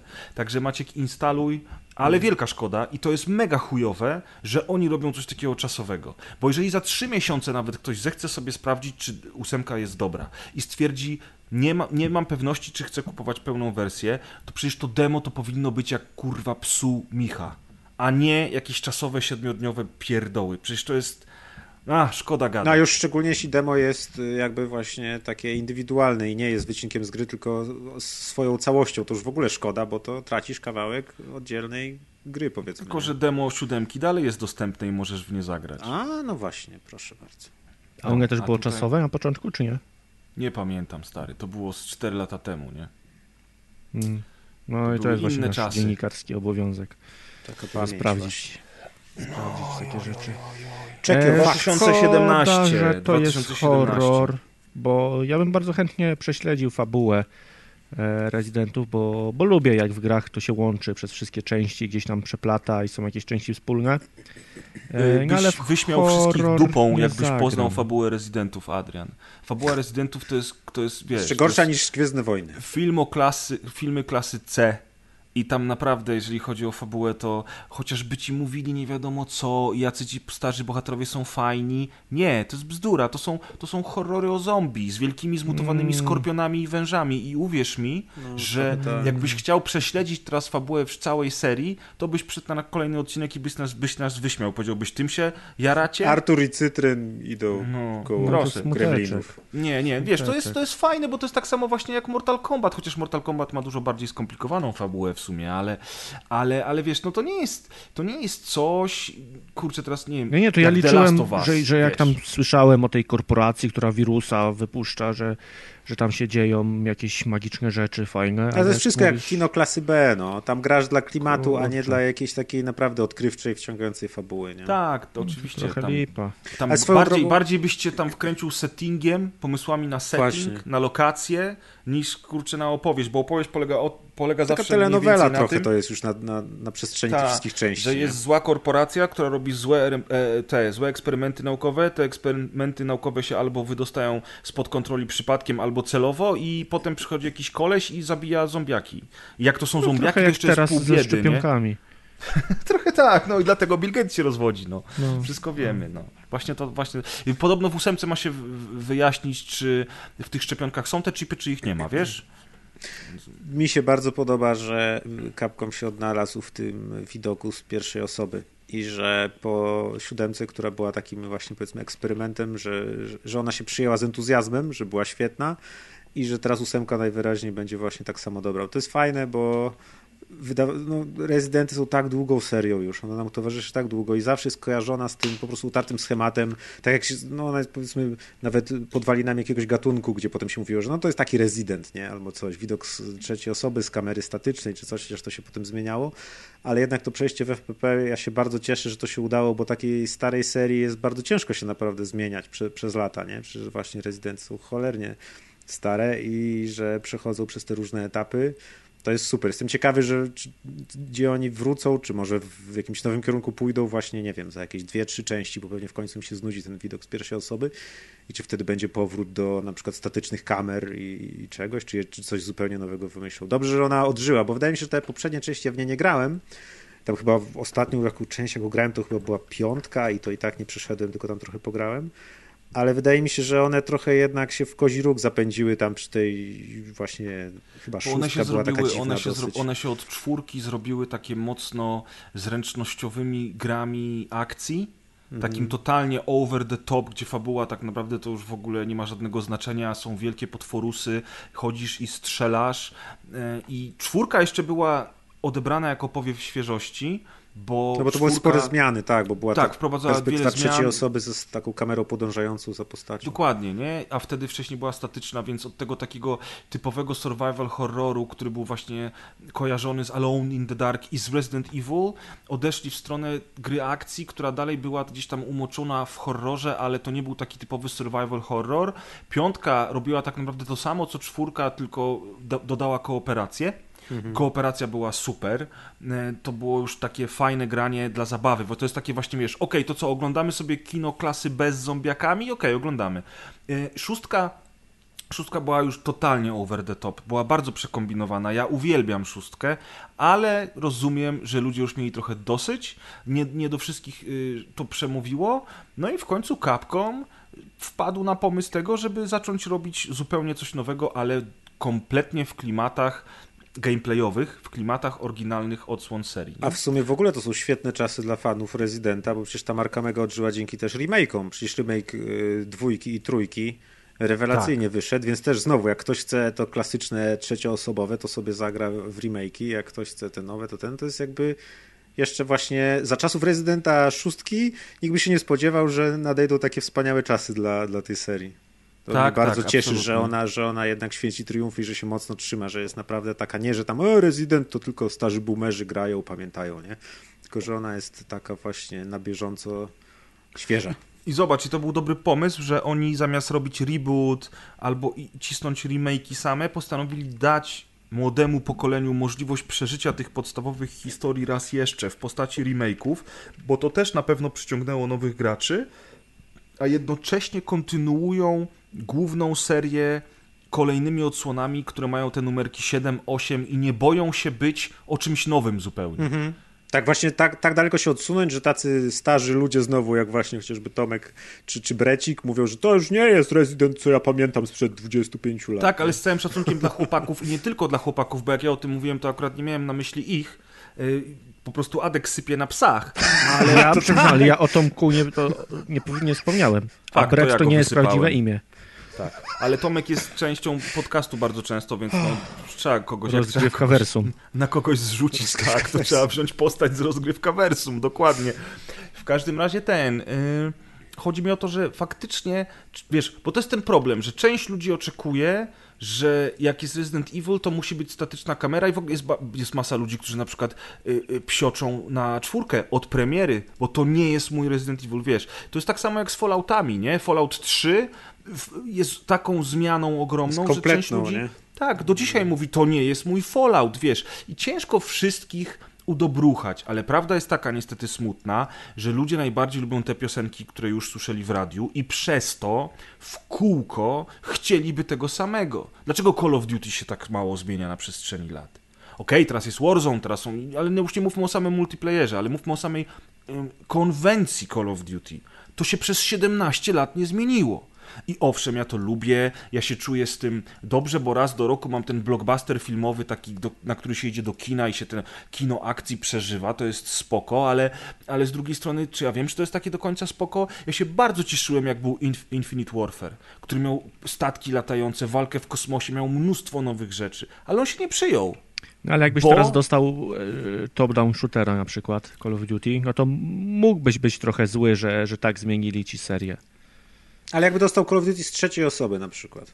Takie girsowate to no nie to, wiem, czy Bo to nie jest aż taka duża zmiana. Właśnie to jest znowu to, co mówiłem, że się cieszę, że Resident mimo tej zmiany y, swojej skostniałej formule, która jest bardzo stara i ma właśnie bardzo wielu fanów, którzy już, nie wiem, właśnie przy czwórce mieli okazję mówić, to nie jest mój Resident Evil i teraz zostali FPP i niektórzy też mówią, że to nie jest Resident Evil, ale mimo wszystko, że dzięki, że, że, że, że ta seria właśnie bardzo przychodzi zmiany, a wciąż się świetnie trzyma i się okazuje, że FPP i wszyscy mówią, e, FPP to nie będzie Resident Evil, a potem wychodzi gra i mówią, ale super gra, nie, okej, okay, jest świetna. No wszystko zależy, czego się oczekiwało od danej gry. No, I, tutaj... i, i, I czy po prostu gra jest dobra, no powiedzmy, nie? No bo to jakby nie patrzeć pomaga, nie? No jeśli tak, ten ale... byłby słaby, to by wszyscy mówili FPP i słaba gra, bu, nie? To ale jeżeli miałeś swoją jedną grę, którą bardzo lubiłeś rok do roku grać i, i, teraz ci ją zmieniają, no to możesz być zły i to może być już nie twoja Ale znowu, gra. jeśli, to, to też wszystko zależy chyba, bo jak się na przykład nagrałeś w nią właśnie przez 10 części rok do roku, to możesz być znudzony, a nagle dostaniesz coś nowego, co jest dobre. Jeśli to jest dobre, to będzie ci się to podobać. Możesz tego oczekiwać co roku. No możesz oczekiwać, no wiecie, no to, to, tu, nie, się... tu, nie, ma odpowiedzi, nie? To no nie tak, no problem. bo to jest bardzo wiele czynników na to wpływa. No. Rozumiem tych, dla których to nie jest ich Resident Evil, rozumiem dlaczego oni postanowili to zmienić i, i postawili na progres. Mm. Ja chyba wolę, jak gry się zmieniają po czasie. To, co no. robił Assassin, God of War, Też mi się to tak jest wydaje. dobra droga po prostu dostaniesz, nie wiem, dwie, trzy części, minie kilka lat i, i, już jest czas na zmianę i jednak zaciśniesz zęby, wydaje ci się, że wiesz, że, że chcesz czegoś, że te, też gra musi być dobra, no. Jeśli ktoś coś tak, zmieni, tak. ale wyjdzie słaba gra, no to nie. A jeśli gra się zmieni, ale jest dobra, to ludzie zaakceptują tą zmianę i, i no będą i... mówić, że to jest odświeżające, że to jest dobre dla serii właśnie, nie? A Zawsze nie, że, jest tak, że jak coś się innego i to już nie jest to. Że jak coś się zmieni, to za chwilę pojawią się fani starego Residenta i oni zrobią swoją grę w takiej konwencji, która będzie wyglądała jak kiedyś Resident. I wiecie, i, i wrócą statyczne kamery i strzelanie tam. Znaczy chodzi ci o jakiś taki, że, że tak, ktoś inny że, ktoś inny zrobi grę, duchu. tak, tak, tak, że No to jest że ciężkie powie... trochę mimo wszystko, ale no ale tak, no jest jakaś No i robi się tak. No. no. Dobra, jebać tych no, stary sieją gry, ferment i lecimy Dokładnie. dalej. Stare dinozaury grać pierwszego rezydenta na PSX-ie, a reszta do przodu. Nie no, ale a propos zmian, to jest jeszcze ciekawe bardzo, co mówicie że rzeczywiście ja też jestem fanem tego, żeby te gry jednak się zmieniały. I na przykład, jeżeli mamy taką konwencję, jak teraz jest w Residentach, że dostajemy remake'i, które są dosyć wierne pierwowzorowi, a dostajemy też sequele, które, które idą w coś nowego, to chyba to jest najlepsze możliwe rozwiązanie, bo wszyscy są szczęśliwi. No, teraz tutaj przykład, to tak. Gdyby Call of Duty dostawało na przykład dwu, trzyletni mm, lifespan, i co 2-3 lata by wychodziło trochę coś, trochę inne Call of Duty, niech to będzie trzecioosobowa kamera, niech, niech to będą strategie nawet. Dokładnie, taki XCOM w Modern Warfare. Nie? No, no tak, to co z Warhammerem się dzieje. Heroes, wiesz. O, dokładnie, tak jak Warhammer. No. I absolutnie nie mam z tym problemu. I na pewno bym nie, nie narzekał, że ojejku, no nie zrobili mi po raz kolejny te same gry, bo oni przez 17 lat robią mi tę samą grę. I gram w ten sam multiplayer od, od, od przynajmniej 14 lat, tak? W związku z czym naprawdę nic by się nie stało. Oczywiście Ale są ludzie, którzy grają w FIFA no. co roku i oni oczekują FIFA co roku i nie no chcą, tak, żeby FIFA no, była ale w ciężko coś zmienić, no umówmy się. To no czemu? Z, z, z, oczu teraz grasz jednym zawodnikiem. w wiarze.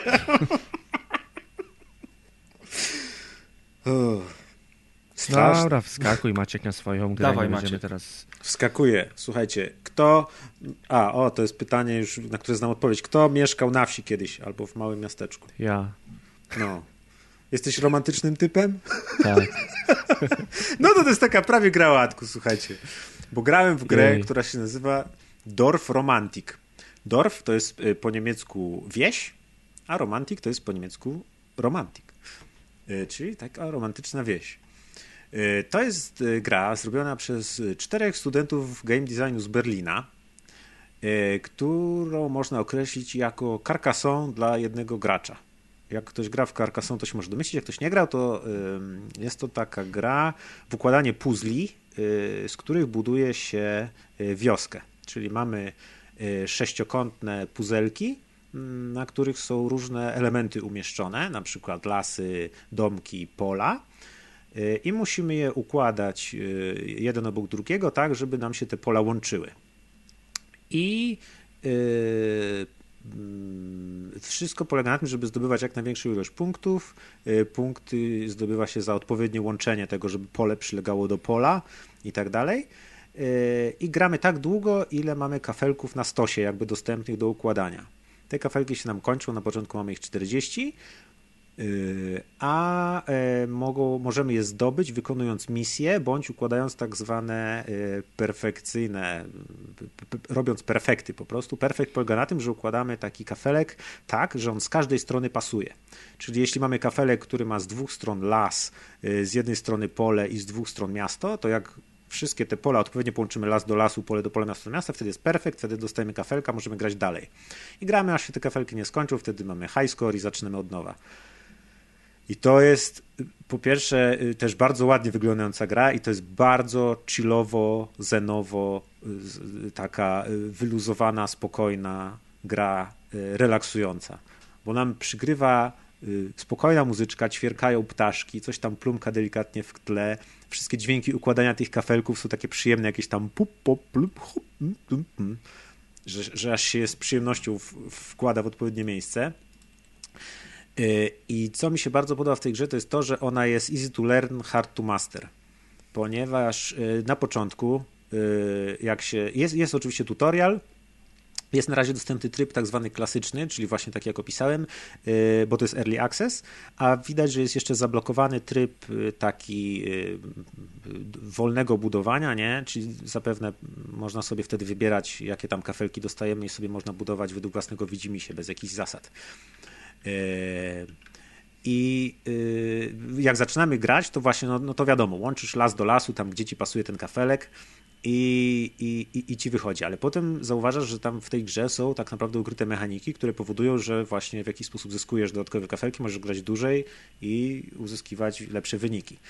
I to są na przykład misje. Czyli czasami są takie kafelki, które pokazują nam, że na przykład musimy ułożyć las, ale nad nim jest taka ikonka, jest na przykład napisane 50, plus, czyli musi być, musimy stworzyć duży las połączony, który ma przynajmniej 50 drzewek lub więcej, bo jest ten plus.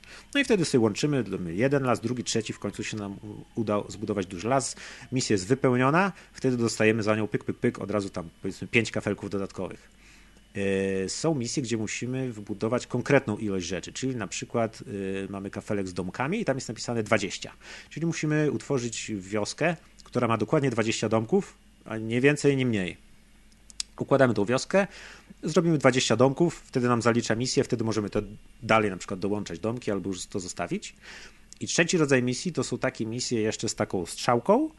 One polegają na tym, że musimy zrobić konkretną ilość czegoś, na przykład 20 pól, a y, kiedy ją wykonamy, to dodatkowo musimy te 20 pól jakby zamknąć, czyli y, zamknąć możliwość dodawania kolejnych pól poprzez obudowanie tych wszystkich naszych kafelków, które tworzą pole, czymś innym, na przykład lasem, czy tam czymkolwiek innym, żeby już nie można było dokładać do tego. I jeśli to, to, ten, to, to nasze pole zamkniemy, to znowu wypełniliśmy misję, dostajemy więcej kafelków.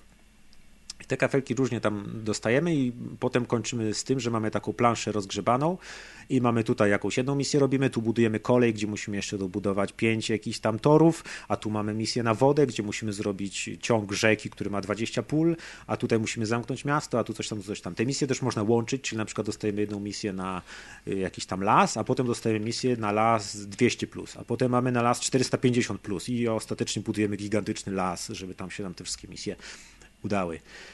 Yy, Od czego zależy, czy jest to pole, na które mogę kostkę położyć? Bo widzę, że tutaj myślałem, tak. że jest zawsze dookoła, ale widzę, że nie jest zawsze Czasami dookoła. się nie da, ponieważ na przykład yy, nie możesz od tak sobie zakończyć torów albo rzeki. Rzeka, jeśli idzie, to ona się chyba nigdy nie kończy, czyli musisz ją kontynuować, czyli nie możesz położyć pola obok rzeki, tylko obok rzeki musi być rzeka. I tak samo z torami jest y, kafel, który kończy tory, ale normalnie nie możesz położyć rzeki obok torów, czy coś, że, że rzeka przechodzi w tory, czy, czy coś, więc to jest jedyne ograniczenie. Mm. I, i, i, no i co jeszcze? Czy to, to jest taka gra, że, mechanikę. Kończysz no. raz i zaczynasz na nowo i, i, grasz jeszcze raz, czy to grasz tak. jed, jedną turę w nieskończoność?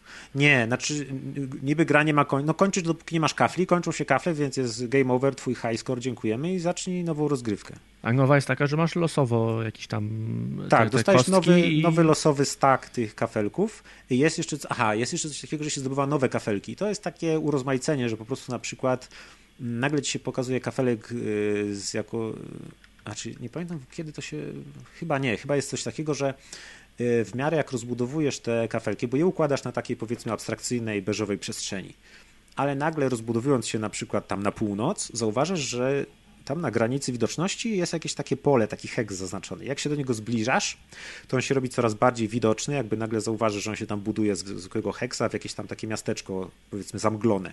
I jak dojdziesz do tego heksa, powiedzmy, że to jest właśnie heks z miastem, to yy, pojawia się misja, że jak ją wykonasz, na przykład to może być misja zbuduj miasto na 150 domków, to jak ją wykonasz, to wtedy dostajesz specjalny heks z nowym jakimś budyneczkiem.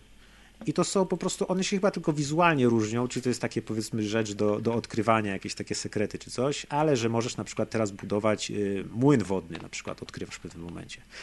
No i potem on się pojawia gdzieś tam w tych. Czyli jest taki aspekt jeszcze, że co jakiś czas możesz sobie postanowić coś tam odblokować i znaleźć. I to jest tyle, jeśli chodzi o mechanikę. I ta gra jest po prostu, no to jest kokaina, nie? Ona jest tak relaksująca i tak, że jak ja ją y, odkryłem, to zamiast pracować to pół dnia po prostu na alt-tabie ją miałem i chwilę popracowałem, myślę, a wrócę, jeszcze trochę zbuduję i trochę ten.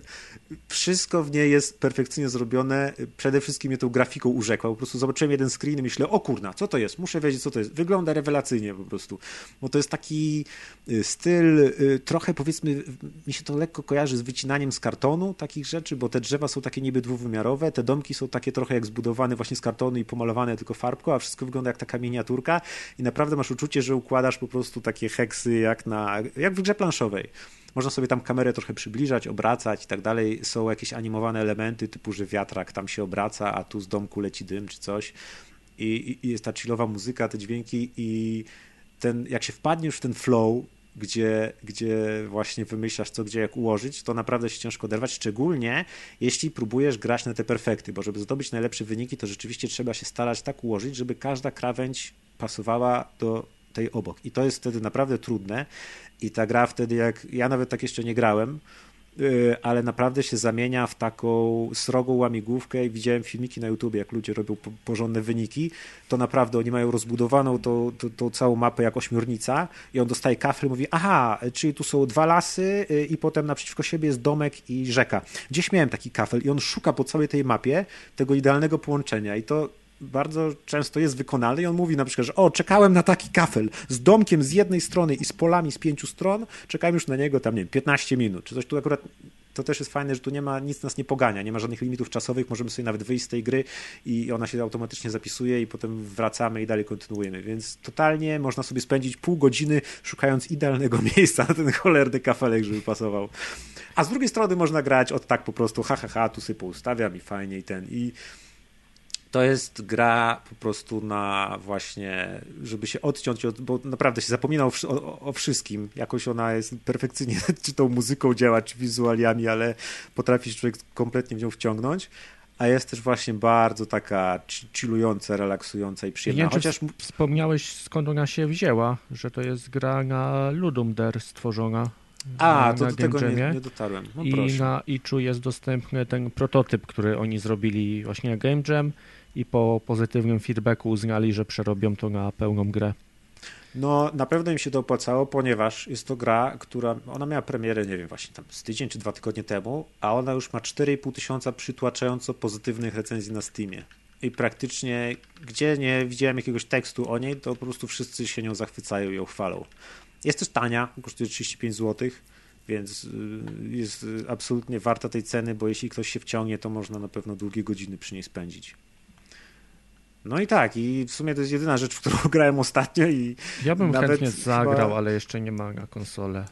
No, nie ma. A nie wiem, czy mają plany nawet na konsolę. A na telefonie? Bo to wygląda tak, jakby na dotykowym ekranie fajnie się sprawdzało. No, pewnie dałoby radę, bo to jest tylko po prostu przesuwasz ekran, zoomujesz i, i obracasz te kafle tylko, więc jakoś by się dało, ale też nie mam pojęcia, tego nie sprawdzałem.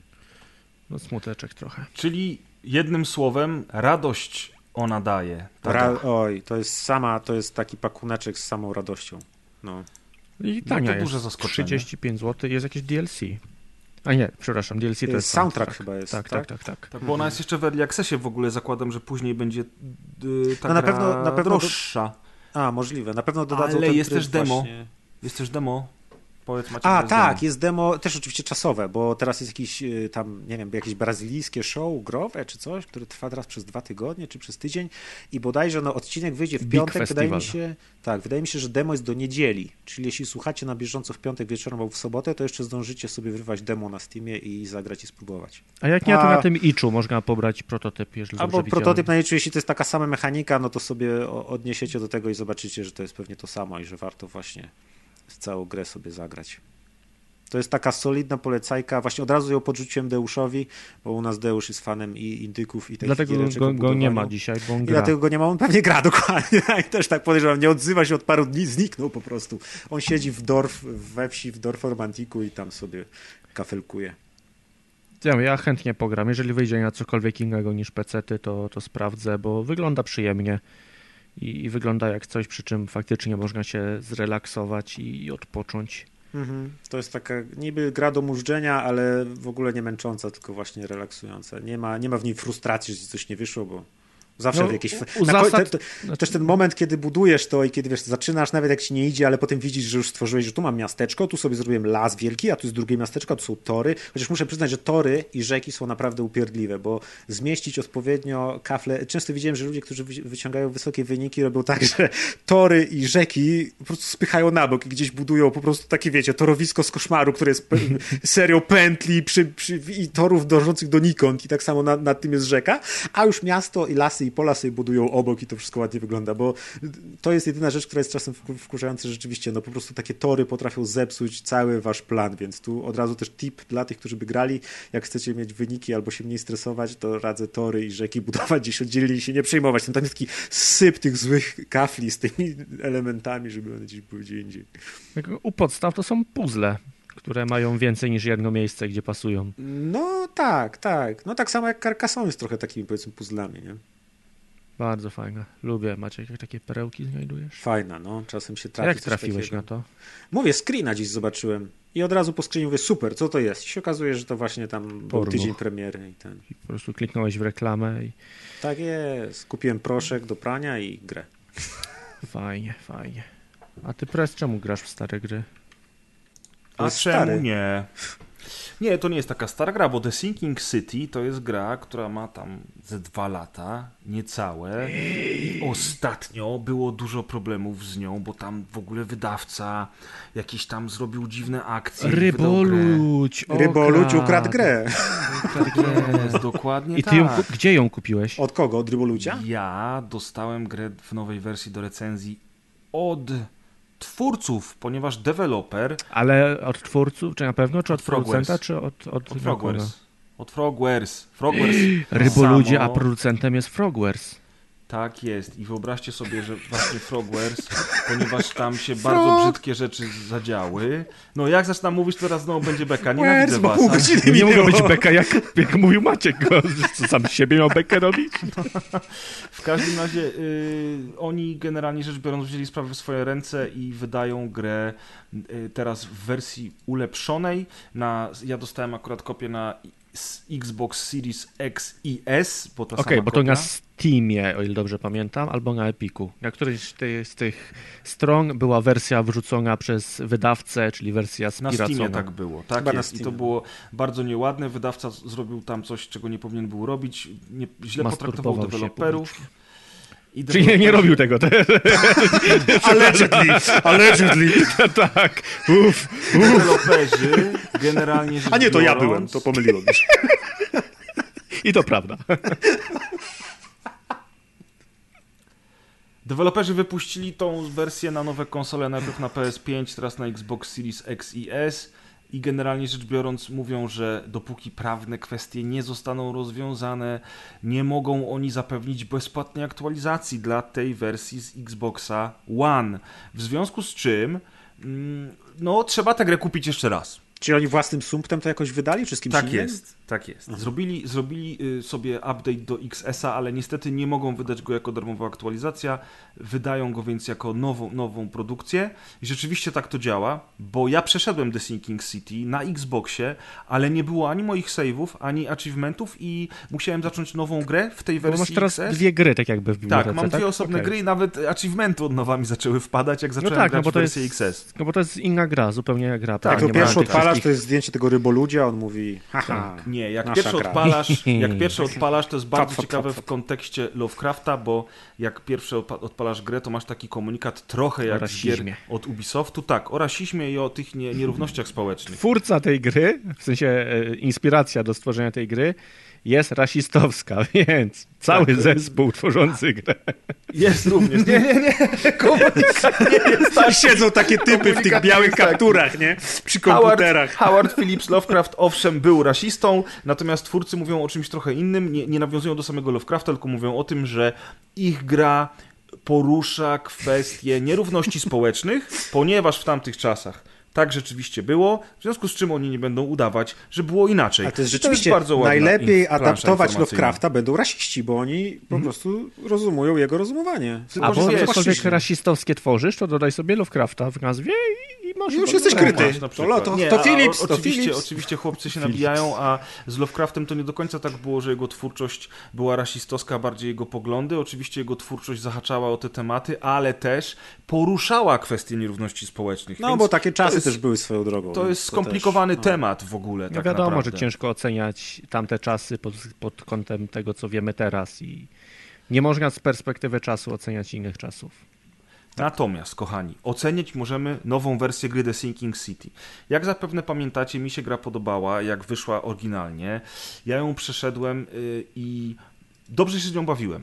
Ale od niej było czuć brak budżetu lekki i brak szlifu. Zwłaszcza właśnie rybą też było czuć, oczywiście, że tak. I to jak? I z tymi rybami był problem, bo na przykład te martwe rekiny i martwe kałamarnice, które były wyrzucone na brzeg, wyglądały tak sobie, bo były bardzo słabe tekstury. Zwłaszcza jak grało się w rozdzielczości 4K na Xboxie One X. I to był duży problem, plus trochę było problemów z animacjami, z innymi teksturami, z oświetleniem. Będę szczery, gra wyglądała na średniaczka, jeżeli chodzi o budżet i oprawę audiowizualną. To wszystko zmienia się z wersją Series XS. Ale to też e, trzeba zauważyć, że ten wydawca słynie z tego, że gry, które wydają, to to nie są AAA, tylko Oczywiście. Takie gry budżetowe. Y, Znaczy, ja nie wiem, czy budżetowe. No przecież Znaczy, oni, oni robią, oni robią powiedzmy, Holmesy no. też, prawda? No tak, no, ale Czyli nie spodziewasz się AA. AAA po tej. po Oni tej. robią AA, dokładnie.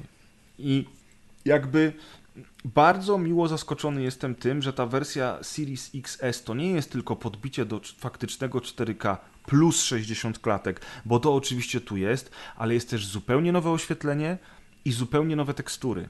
I to widać na każdym kroku.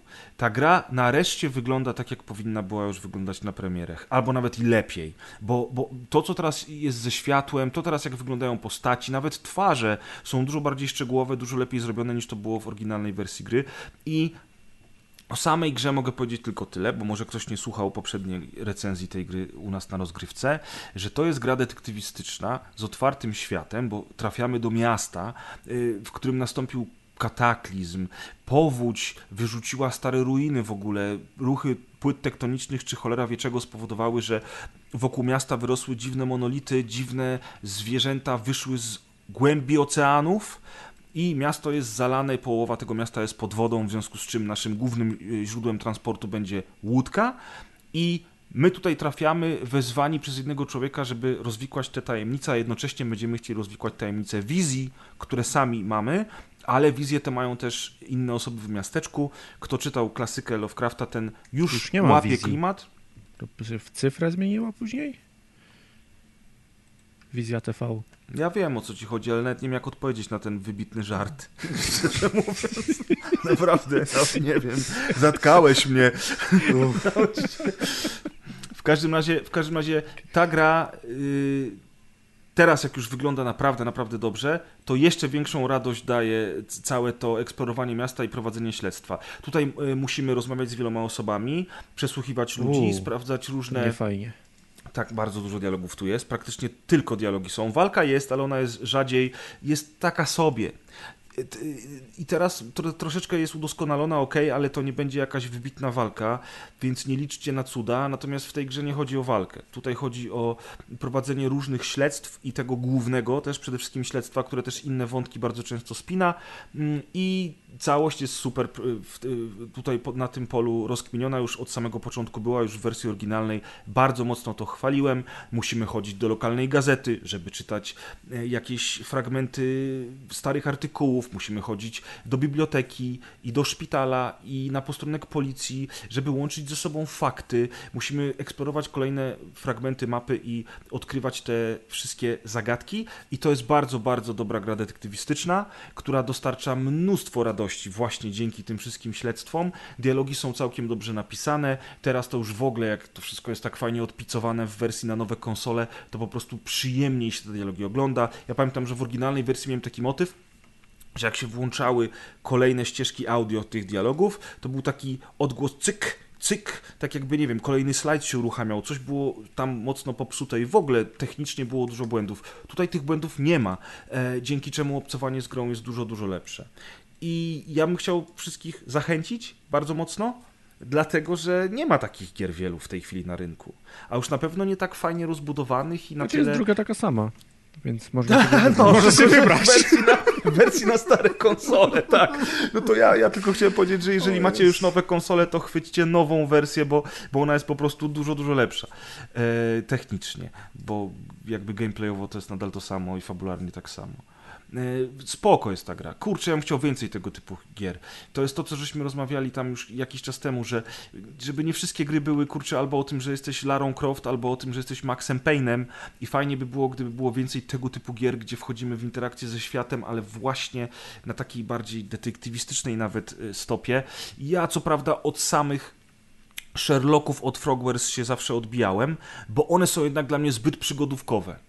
Tymczasem The Sinking City to już jest takie pomieszanie gry w, trzecio, w trzeciej osobie, y, w otwartym świecie, gdzie ta eksploracja, y, ta interakcja z otoczeniem są na zupełnie innym poziomie. Jest trochę tej walki, więc to zawsze jest jakieś urozmaicenie, ale jednocześnie to jest faktycznie dalej gra przygodowa, ale na dużo, dużo innym poziomie niż takie typowe gry przygodowe, które teraz pewnie przychodzą wam do głowy, jak o tym słuchacie. Więc The Sinking City, Xbox Series XS, PlayStation 5 też ma update. Y, Ja bardzo, bardzo wam polecam. Chociaż zakończenie jest takie sobie, ale to. To już, Spoiler. to już inna insza. Nie, nie, przepraszam. Takie. Nie, bo to jest problem z tego typu grami, wiesz, że one się rozkręcają, jest mnóstwo fajnych motywów, bardzo fajne są nawiązania do opowiadań Lovecrafta i tak dalej, a potem grasz, grasz, grasz, a na końcu masz takie. Mm, no, kurczę. Jestem przegrywem Jednak... jednak.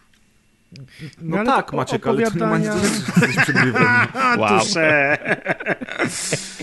Opowiadania też jakoś specjalnie się nie, nie kończyły zaskakująco, czy, czy z- tak, że cię zadowalały i byłeś po przeczytaniu opowiadania byłeś taki, a, ale to było dobre.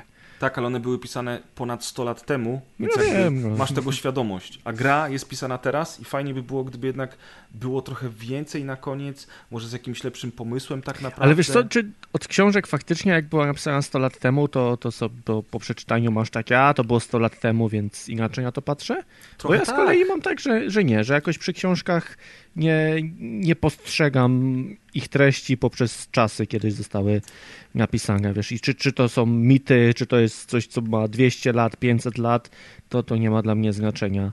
Wiem o co ci chodzi, natomiast ja zauważyłem, że w horrorze jednak dla mnie to ma znaczenie, że w horrorze jak okazuje się nagle na przykład finał koloru z innego wszechświata, czy tam jak ten, to opowiadanie Lovecrafta się nazywało, ja nie będę tego oczywiście spoilował, ale jak, jak jest ten finał tej opowieści, Że to jest masz niebieski.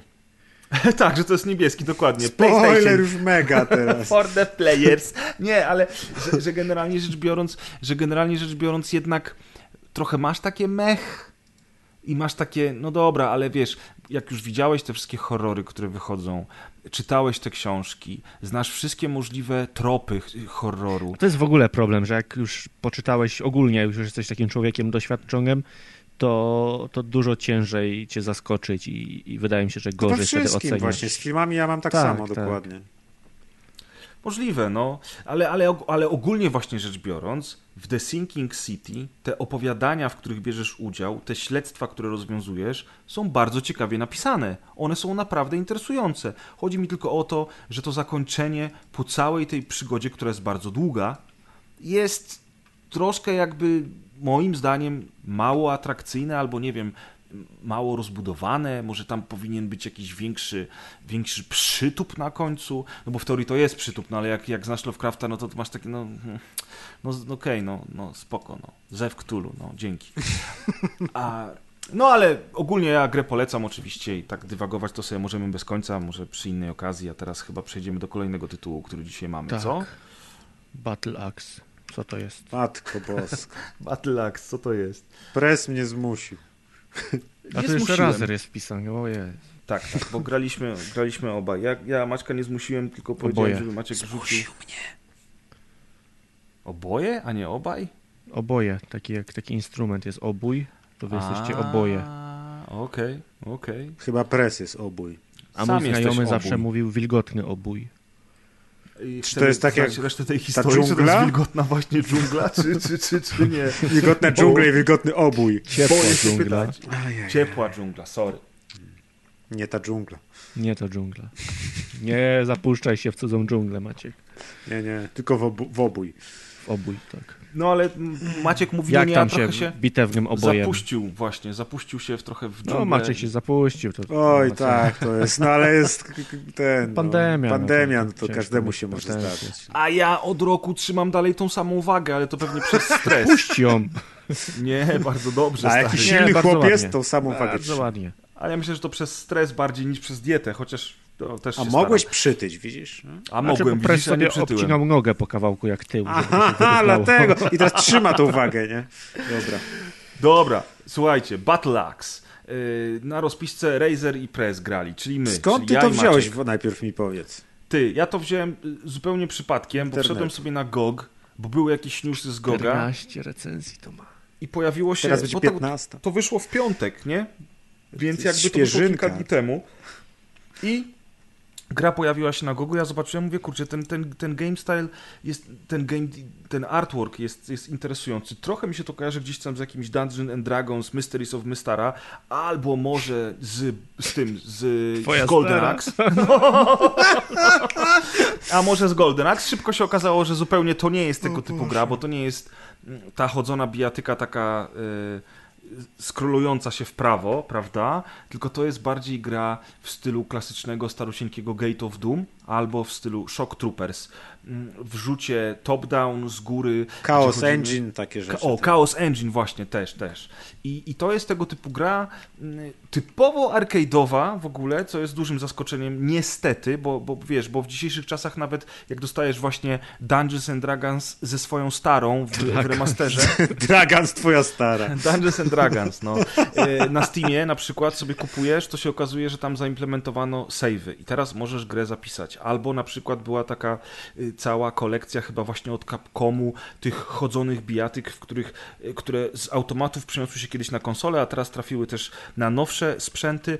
I tam są savey. A nagle jakaś firma robi sobie grę, która ma wyglądać jak klasyka, która działa jak klasyka i która w sumie mnóstwo radości daje, bo ona jest przyjemna w rozgrywce, ale jednocześnie jest też bardzo wierna oryginałowi. Czyli gra sprowadza się do tego, że masz trzy życia, jak stracisz te trzy życia, to masz game over, zaczynasz od nowa, a całe złoto i diamenty, które zbierasz jest tylko i wyłącznie po to, żeby na końcu w tabeli najlepszych graczy pojawiła się ta twoja punktacja. Zresztą to jest tak słabo zrobione, że nawet nie możesz wpisać swoich inicjałów ani nic, tylko ktoś chyba zakłada, że jak masz grę na komputerze, to będziesz tylko ty w nią grał e, i pojawiają się tylko ikonki gracza, postaci, którą grałeś i, i liczba punktów, którą zdobyłeś i to jest moim zdaniem trochę mało, żeby mnie zachęcić do tego, żeby te rekordy bić, ale samo granie mi się bardzo podobało.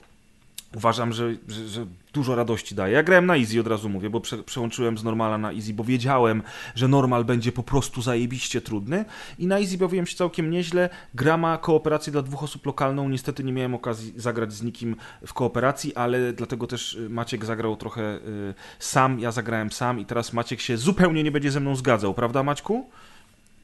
Tak średnio cię słuchałem, bo przypominałem sobie gameplay tego, jak to wygląda. Ja mam jedną y, dobrą rzecz do powiedzenia o tej grze.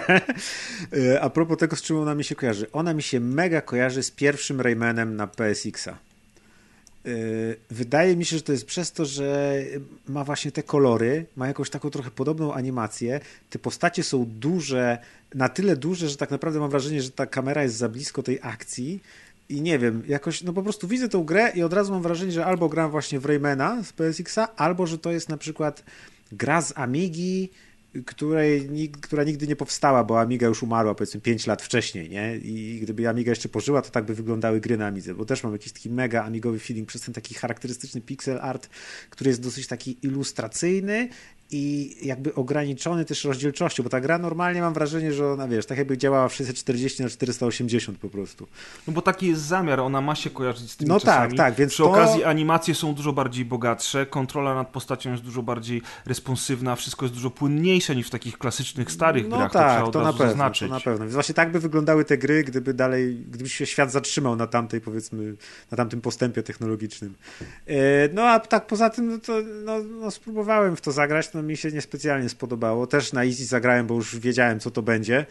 E, No i co, no chodzi się, bije, wyskakują jakieś punkty, na końcu mnie wielki pancerny krab zabił i wyłączyłem. I Łe, tyle, to no. ty z krabem przegrałeś, a myślałem, Tak. że ty ze smokiem już walczyłeś. Mówiłem widziałeś ci Maciek, przecież, ile to kosztuje? Nie.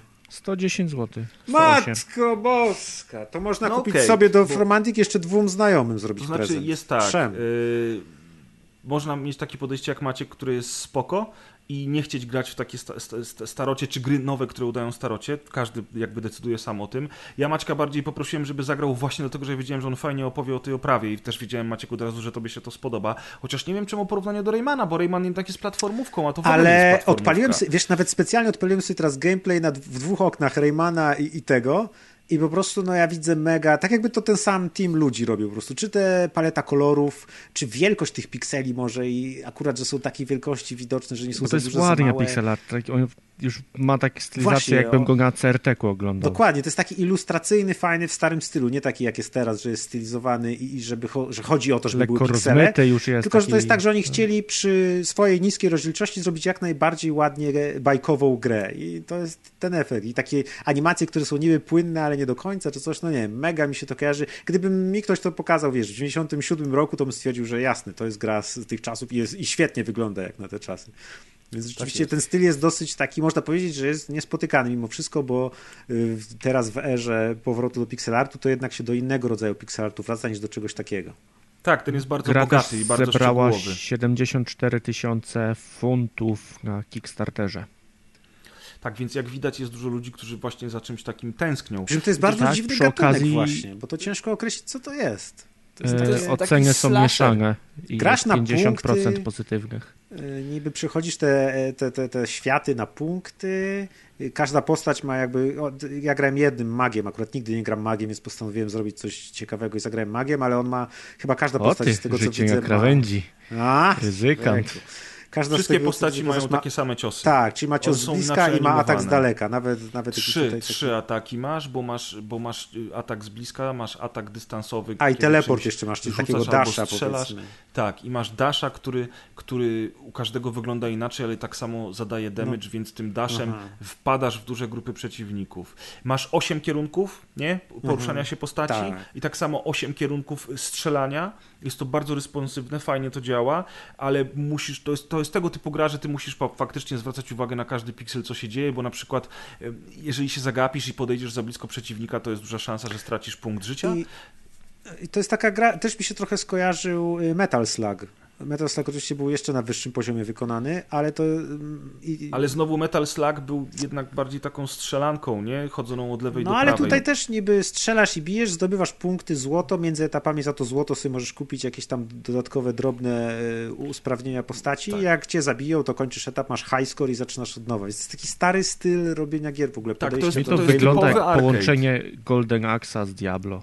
No, to, tak, to jest trochę taki właśnie, ja bym tą grę widział totalnie na automacie. To jest taki automat, automatowy sposób rozgrywki, Tak, nie? i to, to jest właśnie typowy, to typowy arcade i niestety też właśnie z podejściem do tego, że przy, y, przy game over naprawdę jest game over i wszystko zaczyna się od nowa.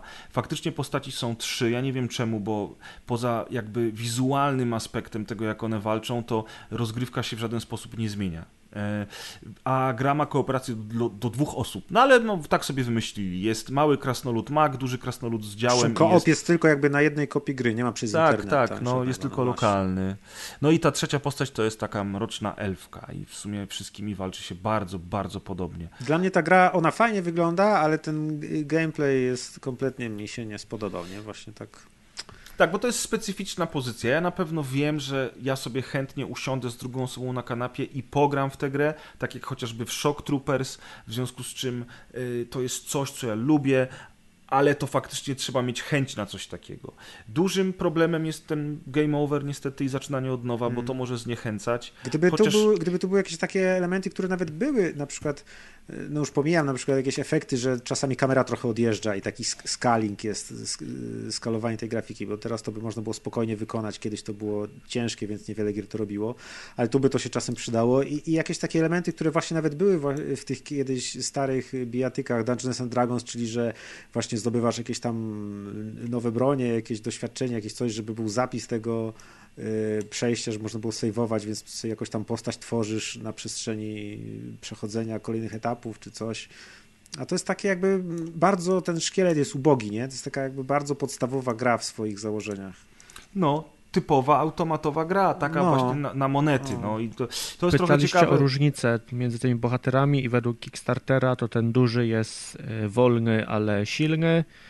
Ta środkowa jest tak średnio silna, średnio szybka, a Jolo, czyli Mac jest bardzo wolny i bardzo słaby, no ale na odległość walczy. To jest bardzo głupi opis, bo ten duży, silny krasnolud z działem zabija najszybciej, bo jak klikasz cały czas atak dystansowy, to nawalasz tymi kulkami jak szalony. Znaczy to jest przedstawione w ogóle na tej stronie za pomocą gwiazdek, więc to nie jest super No to- miarodajne. Tak, ja, nie, ja w, ogóle, ja w ogóle nie zauważyłem różnicy pomiędzy żadną z tych postaci. Faktycznie Mac był najwolniejszy. Ale... Co jest dziwne, bo w ogóle powinien być najszybszy. No Bo właśnie, nie? Inaczej. To szmaty na sobie.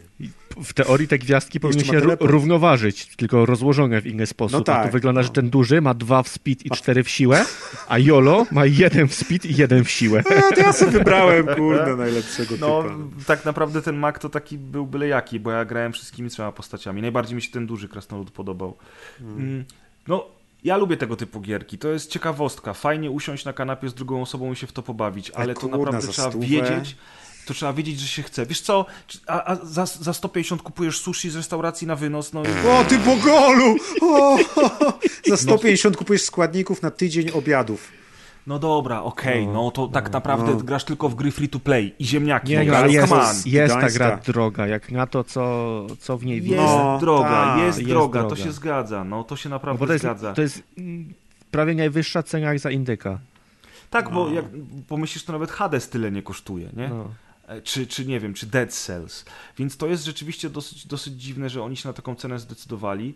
Mi się to kojarzy też, jakiś czas temu opowiadałem chociażby o Blazing Chrome. To co prawda było takie bardziej jak kontra, ale to jest jakaś taka moda, bo mamy indyki i mam, znaczy w sensie, tfu, mamy rogaliki i rogaliki mieszają stare z nowym i masz bardzo wiele gatunków, bo, bo możesz mieć slashera, hack and slasha, możesz mieć platformówkę akcji i masz te elementy takie typowo rogalikowe, ale jednocześnie masz też nowe elementy i to wszystko jest fajnie ze sobą mieszane i można się nieźle bawić, a masz też całą masę gier takich właśnie powracających, które nie, które nie są starociami, to są gry, które są robione teraz współcześnie, a które kompletnie mają rozwiązania wzięte z arcade, właśnie z automatów i które nawet nie próbują w żaden sposób tego zmieniać. No i właśnie Blazing Chrome takie było i to y, o czym teraz mówimy, y, Battle Axe y, też właśnie tak mi się jak kojarzy. muzyka się wam podobała? Ja ją wyłączyłem po pierwszym Kompletnie etapie. nie pamiętam. Bo z Muzy- tego co czytam, muzykę zrobiła pani Manami Matsumae, która jest dość znana z tego, że komponowała muzykę na przykład do Megamenów oryginalnych. No i dlatego do zaraz ją Dragon Questa, wyłączyłem. Do tego No, Mighty Nine, Number Nine, do Shovel Knighta, do Adventures of Lolo. No, klasyk. Co to jest Adventures of Lolo? Ja też aż sprawdzę. Ze Snoop Doggiem coś pewnie. Tak, Adventures of Lolo to ze Snoop Doggiem. Oj, oj, to nie jest Snoop Dogg. Nie Oj, jest, nie jest zdecydowanie. oj. W każdym razie, w każdym razie, no, y, szanuję na pewno, jeżeli ktoś jest, y, ktoś jest fanem Megamenów i, i takich typowych gier z NES-a, to, to doceni tą muzyczkę Kas, pewnie by dzisiaj nam powiedział, że to najlepszy aspekt. się do tego. No właśnie, ale Pewnie ja to robi, dlatego go po nie ma. jednej misji. A on nie sadził kamienie na Marsie? Co? Co tam Poznania nam się już kamień węgielny pod Nową Polskę na Marsie. No, No, już nam się zeznania trochę mieszają, ale tak, tak Dobra, bitewny topór zaliczony. było. Bitewny topór zaliczony. Polecamy zobaczyć, jak w ruchu wygląda, bo w ruchu wygląda Obój. fajnie, ale Bardzo fajnie to wygląda bitewny w ruchu. obój. obój? A przy... Tak, bo oboje, no tak. Tak. Eee, to na tyle gier. Jeszcze musimy przebrnąć przez kulturkę i kończymy, także elo. Także tak, już powoli do brzegu tak zwane. Myślę, że jeszcze 20 minut. Dobra, dawaj max. już tego Toma Clancy'ego Without Morse. Jo, Tom Bez Clancy, morsów. Tom Clancy bez skrupułów. Tom Clancy ma całe swoje uniwersum. My mamy rozgrywka vers, a on ma swoje Clancy Clancy vers. Clancyverse, tak. I u nas jest Tomek Pieniak, a u niego jest z kolei taki pan chociażby Clancy. jak Jack Ryan, prawda, czyli jego główny bohater, którego wszyscy znają, bo było już tych filmów z nim, książek oczywiście przede wszystkim, ale później filmów z nim mnóstwo, różni aktorzy się w niego wcielali, teraz jest serial na Amazonie, dwa sezony już zresztą polecam. No i właśnie Amazon idzie w takie Clancyverse, bo zaczyna wprowadzać też inne postaci z książek Toma Clancy'ego. No i po kogo by tu sięgnąć, jak nie po głównego bohatera Rainbow Six główny bohater Rainbow Six, czyli John Kelly, ma swoje dwie książki, dwie powieści, y, które napisał dla niego Tom Clancy. Oczywiście Kelly pojawiał się również w książkach o Jacku Ryanie, oni się przenikają ze sobą, też wielu aktorów się w niego już Nie mylić z Arem Kelly bo to mylić coś... On się przenikał z, czym, nie, nie, nie. z kimś innym. Arkeli, Arkeli nie jest w tych książkach, ani w tym filmie na szczęście. No i Amazon, e, Amazon właśnie tak sobie postanowił zrobić film akcji bazujący na pierwszej książce o Kelim, czyli na właśnie Bez skrupułów. Pierwsza książka to jest Bez skrupułów, druga to jest Tęcza 6. Mm, e, podejrzewam, że Tęcza 6 zostanie również zekranizowana. Co niestety trochę smutne, ta książka, ten film, który A nie właśnie czas teraz patriotów? miał premierę. Bo w Wikipedii, Wikipedia mówi, że Czas Patriotów to jest druga część z Nie, Jackiem y- Ryanem. Ryanem. Ale my mówimy teraz o Kellym, wiesz? I Jack Ryan ma Aha, swoje okay, książki. Okej, okay, dobra, przepraszam. A John Kelly, a.k.a. John Clark, to jest inna postać, która jest drugoplanową postacią u Ryana, a sama dostała tylko dwie powieści. No Okej, okay, bo te nazwiska są wszystkie takie... No, Amerykanie, to wiesz, no, tego John nie pomalujesz. Kelly, no. Jack Ryan. Tak jest, Amerykanie, tacy są dosyć generyczni, prawda, y, jeżeli chodzi o te imiona i nazwiska. No i słuchaj, ta y, bohaterowi zmieniono kolor skóry, więc Kaz na pewno by teraz powiedział coś Skandal. o rasizmie. Skandal! Skandal, ale ja jestem bardzo zadowolony, bo w, w główną rolę wciela się Michael B. Jordan, i dopiero niedawno sobie uświadomiłem, że to jest taki trochę Gorsza Michael wersja Jordan, tylko z B. Jordana. Dokładnie. Tamten Jordan jest A. Jordan. Michael B. Jordan to jest taki już dosyć znany aktor. On Michael Wonga B. Jordan. Michael Wannabe Jordan, pięknie. On zagrał między innymi w obu częściach Creed, zagrał też Warmongera w Black Panther, Mm, no i y, Michael B. Jordan gra teraz pana Kelly'ego w Bez skrupułów od Amazona. Ja się bardzo cieszę, bo to jest, kurczę, kino akcji, sensacyjne, o agentach y, specjalnych, którzy szczelają, skradają się i robią różne dziwne rzeczy, więc zamiast kolejnego filmu o pelerynkach albo kolejnego serialu o superbohaterach, bo teraz wszyscy muszą to robić, zrobili coś takiego i to jest bardzo, bardzo spoko. Y, Jest niestety to książ książka zupełnie to nie jest. Oni wzięli tytuł książki i zrobili prawie wszystko po swojemu. Tam z No bo tą książką ekstra nie ma nic adaptacja, wspólnego. jeszcze- I dla mnie to jest, wiesz, teraz Deusz jakby był, to powiedział, to jest super, bo e ekranizacja rządzi się swoimi prawami i fajnie. No tak, książkę już czytałeś, to co, będziesz oglądać to samo? Tak, dokładnie. A ja uważam, że okej, ale naprawdę w tym filmie nie ma prawie niczego z książki. Więc to po cholerę dawać tytuł książki, nie? Tak, nie wiem dlaczego. Nie wiem dlaczego jest taki tytuł. E, No ale sam film w sobie się broni. Ma całkiem ciekawą intrygę, bardzo dużo dobrych scen, takich scen, że Tom Cruise jak siedział, to patrzył, mówi, kurde, jakbym miał trzy razy mniej kasy niż mam na film, to pewnie u mnie sceny właśnie tak by wyglądały. I to jest oczywiście pochwała. Bo to jest, pamiętajcie, film VOD od Amazona. Zresztą dzisiaj wszystko idzie w VOD, bo kina są zamknięte, ale, ale to nigdy nie był film jakoś super wysokobudżetowy. Bardzo fajna rola pana Jordana. Jest też kilka innych ciekawych kreacji. Ładne to, takie na poważnie, ale nie traktujące się zbyt poważnie. Nie jest to, nie jest to oczywiście jakieś wybitne Znaczy kino nie, to nie jest zaraz... jakiś, to, ja bym powiedział, że to jest raczej w ogóle poważny, bo to nie jest, nie, nie było tam śmieszkowania, Tak, że tak, to, nie, nie, było to postaci, nie- która rzuca one-linery, jest taka coś tam ten. Dokładnie, bo to ty też oglądałeś. poważny film. No zmusiłeś mnie, to jest druga rzecz, do której mnie... Dzisiaj jest odcinek, w którym press mnie zmuszał do rzeczy. Ja cię zawsze zmuszam do rzeczy, ale, ale z tego co słyszę, to jednak chyba nie żałujesz, że obejrzałeś. No właśnie, szczerze mówiąc, to jakby z jednej strony, jak to obejrzałem, to pomyślałem, że gdybym nie oglądał, to bym nie stracił wiele, bo wydaje mi się, że mimo, muszę przyznać, że realizacja jest fajna, bo naprawdę jest fajnie nakręcony, te sceny akcji, rzeczywiście kolejnym plusem w dzisiejszych czasach rzeczywiście jest to, że to nie jest film o superbohaterach, tylko ten sensacyjniak, za którymi tak tęsknimy, powiedzmy z lat 90., gdzie były filmy, gdzie mężczyźni z karabinami biegali i się zabijali, to było super. To to jest właśnie taki film, jeszcze z intrygą polityczną, bo wiadomo, Tom Clancy i tak dalej, tu y, Rosja kontra Stany Zjednoczone i w ogóle i ten. Mhm. Yy, W, yy, I były rzeczywiście później fajne sceny. Scena powiedzmy z samolotem i z wodą, fajnie zrobiona, fajnie nakręcona, fajnie zrealizowana.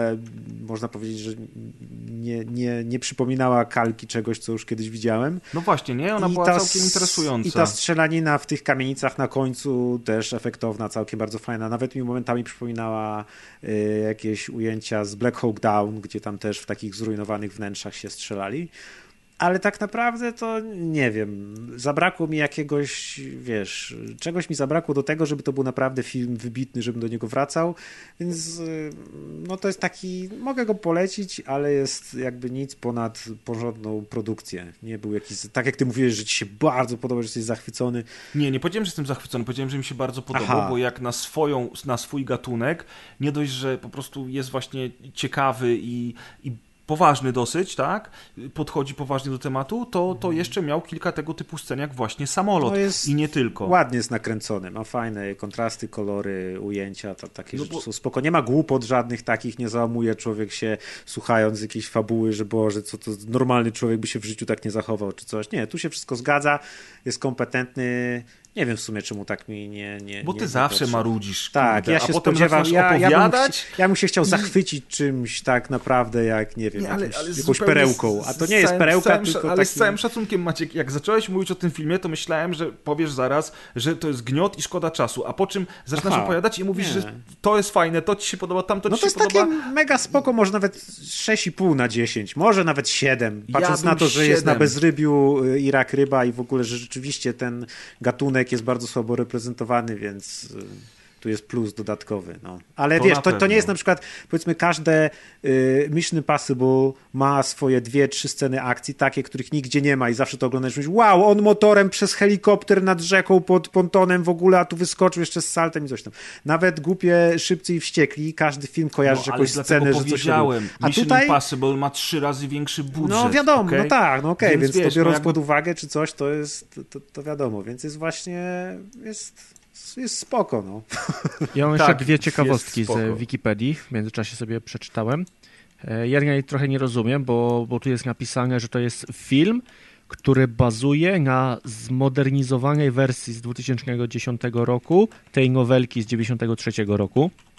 Więc może tam przy tej przy okazji przeróbki tam jakieś były zmiany fabularne, o których nie wiesz pres.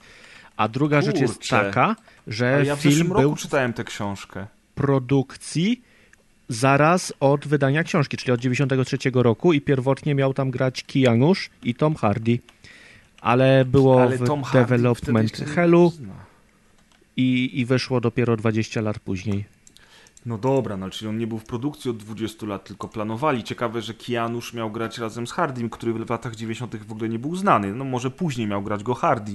E, I ten film wielokrotnie już był maglowany. Natomiast zaskoczyłeś mnie z tą e, zaktualizowaną I wersją właśnie, ja, ja próbowałem, roku, bo... próbowałem wyszukać jakieś informacje nie o ma tym. informacji. Jest tylko I... jakiś film z Tomem Selekiem, nie? I, I, nie ma informacji. Ja wam wyślę na Messengerze, bo może ja sobie źle tłumaczę to, co jest napisane. Pozwól, też że ja spojrzę z kolei na, na, na moje Audible, na audiobooka, którego słuchałem w zeszłym roku. Wysłałem i pierwsze zdanie zaraz z tej Wikipedii patrzę. właśnie jest, że jest... Pozwól, że ja jeszcze spojrzę sobie na, na tę książkę. Yy... No i to, że, że w tak długo... A może to o książkę to... chodzi, bo to jest based on 2010 modernized tak. version of Tak, tak, tak, ale czy chodzi to... o to, czy że ona została wydana ponownie, czy została jakoś zmieniona w tym 2010? A, czymś się różni ta książka, tak. okej. Okay. No bo jak chce się kliknąć na odnośnik, no to przynosi do, do lat. Tak, 2010. I, i, I nie mogę nic znaleźć o tym. To jest ciekawe, że tu jest jakaś nowa wersja z 2010 roku. Ja już ci powiem, kiedy ja to czytałem. E, tutaj, Without Remorse. A na dole jest dużo więcej ciekawostek właśnie o, o produkcji, o Kianuszu, o panu Hardim i tak dalej. Czyli pewnie zmieniali tych aktorów, aż w końcu dostał e, pan B. Jordan tę rolę. Ja mam pan wydanie... A. Jordan też miał być, no ale się nie zgodził. Więc wzięli pana B. Jordana. Ja mam wydanie z 2010 roku. C. C. Czyli być może chodzi o to, że po prostu zostało wydane ponownie. Tak, ale ono jest, e, to, to, ono jest, to moje wydanie jest dokładnie z 2010 roku i jakby pff, no nie, to są inne opowieści zupełnie. W związku z czym, w związku z czym ja jestem zdziwiony, że oni postanowili. Ale to może tam w 93 grę... z kolei było. Może wiesz, to, to, to, oryginał był inny fabularnie. No nie, bo ta aktualizacja stary to nie może być tak, że całą książkę w innej zupełnie historii. No tak, ale z drugiej strony z jakiegoś nie? powodu wspominają o tym na Wikipedii i tak no, wygląda jakby to było znaczące, że, że, że, że, że wydali to ponownie. Ale być może to coś w tłumaczeniu sobie zmieniamy. Będziemy I... musieli się temu przyjrzeć i jak będzie na to czas, to wrócimy do tematu przy okazji, bo chyba nie ma teraz to tutaj siedzieć i grzebać. No, co śpieszy ci się? Pogrzeb no. trochę. Kurde, o, Kevin no. Costner też miał grać. Kevin Costner grał z kolei w jednej adaptacji książek Jacka Ryana, w której grał mentora Jacka Ryana. Więc tych aktorów tam w tym uniwersum w... też się trochę przewinęło. Czy chodzi o Jack Ryan Shadow Recruit? O ten film? Tak, dokładnie okay. o ten. Zaraz poszukam tej no, Adek widzę, że jesteś wersji. specjalistą od y, filmów z Jackiem Ryanem. Trochę tak, trochę tych Jacków Ryanów się czytało. Mm, przerobiło się dokładnie. O co no. tu chodzi? Ja jestem bardzo ciekaw, o co tu chodzi z tą A Major Motion Picture starring Michael B. Jordan, watch now on Prime Video. No nie, to wiemy. A to ja mogę jeszcze, ty wszukaj, a ja wtrącę a propos filmów, że widziałem ostatnio zwiastun filmu z Angeliną Jolie, który prawie jest ekranizacją Firewatcha. Film się nazywa y, Those Who Wish Me Dead i tam Angelina Jolie jest panią stra, straż, strażaczką i tam jest taka wieża w lesie jak z Firewatcha i to jest taki prawie Firewatch, tylko trochę inaczej. To ja mogę Ale... powiedzieć, bo oglądałem taki serial na Netflixie o nazwie Zero, który jest chyba włoski i opowiada o, o nastolatku, który rysuje komiksy i który ma moc stawania się niewidzialnym i o, którą stara się ogarnąć i, i, i, używa jej do tego, żeby ochronić swoją lo, lokalną wioskę przed e, czyścicielami kamienic. Czy to jest najgorszy sposób, w jaki można wykorzystać moc niewidzialności? Nie, znaczy cał, całkiem fajny serial, no bo to nie jest serial o, o superbohaterach. To się dzieje gdzieś, gdzie to się dzieje? To się dzieje we Włoszech, przy czym cały klimat jest bardzo mocno taki brazylijski. Właśnie, bo tak po, po zdjęciach wygląda bardziej jak właśnie Oni, to, ta miejscowość, ja nie wiem, czy w ogóle jest taka miejscowość we Włoszech, ale to jest Barrio, a to mi się w ogóle kojarzy z, z jakimś tam brazylijskimi no nie, dzielnicami. Nie, po, po, zdjęciach to nie wygląda jak serial o Włochach. Tak, tak, tak, tak, ale są tam przez moment w Mediolanie, czy wspominają o Mediolanie, czy o Rzymie.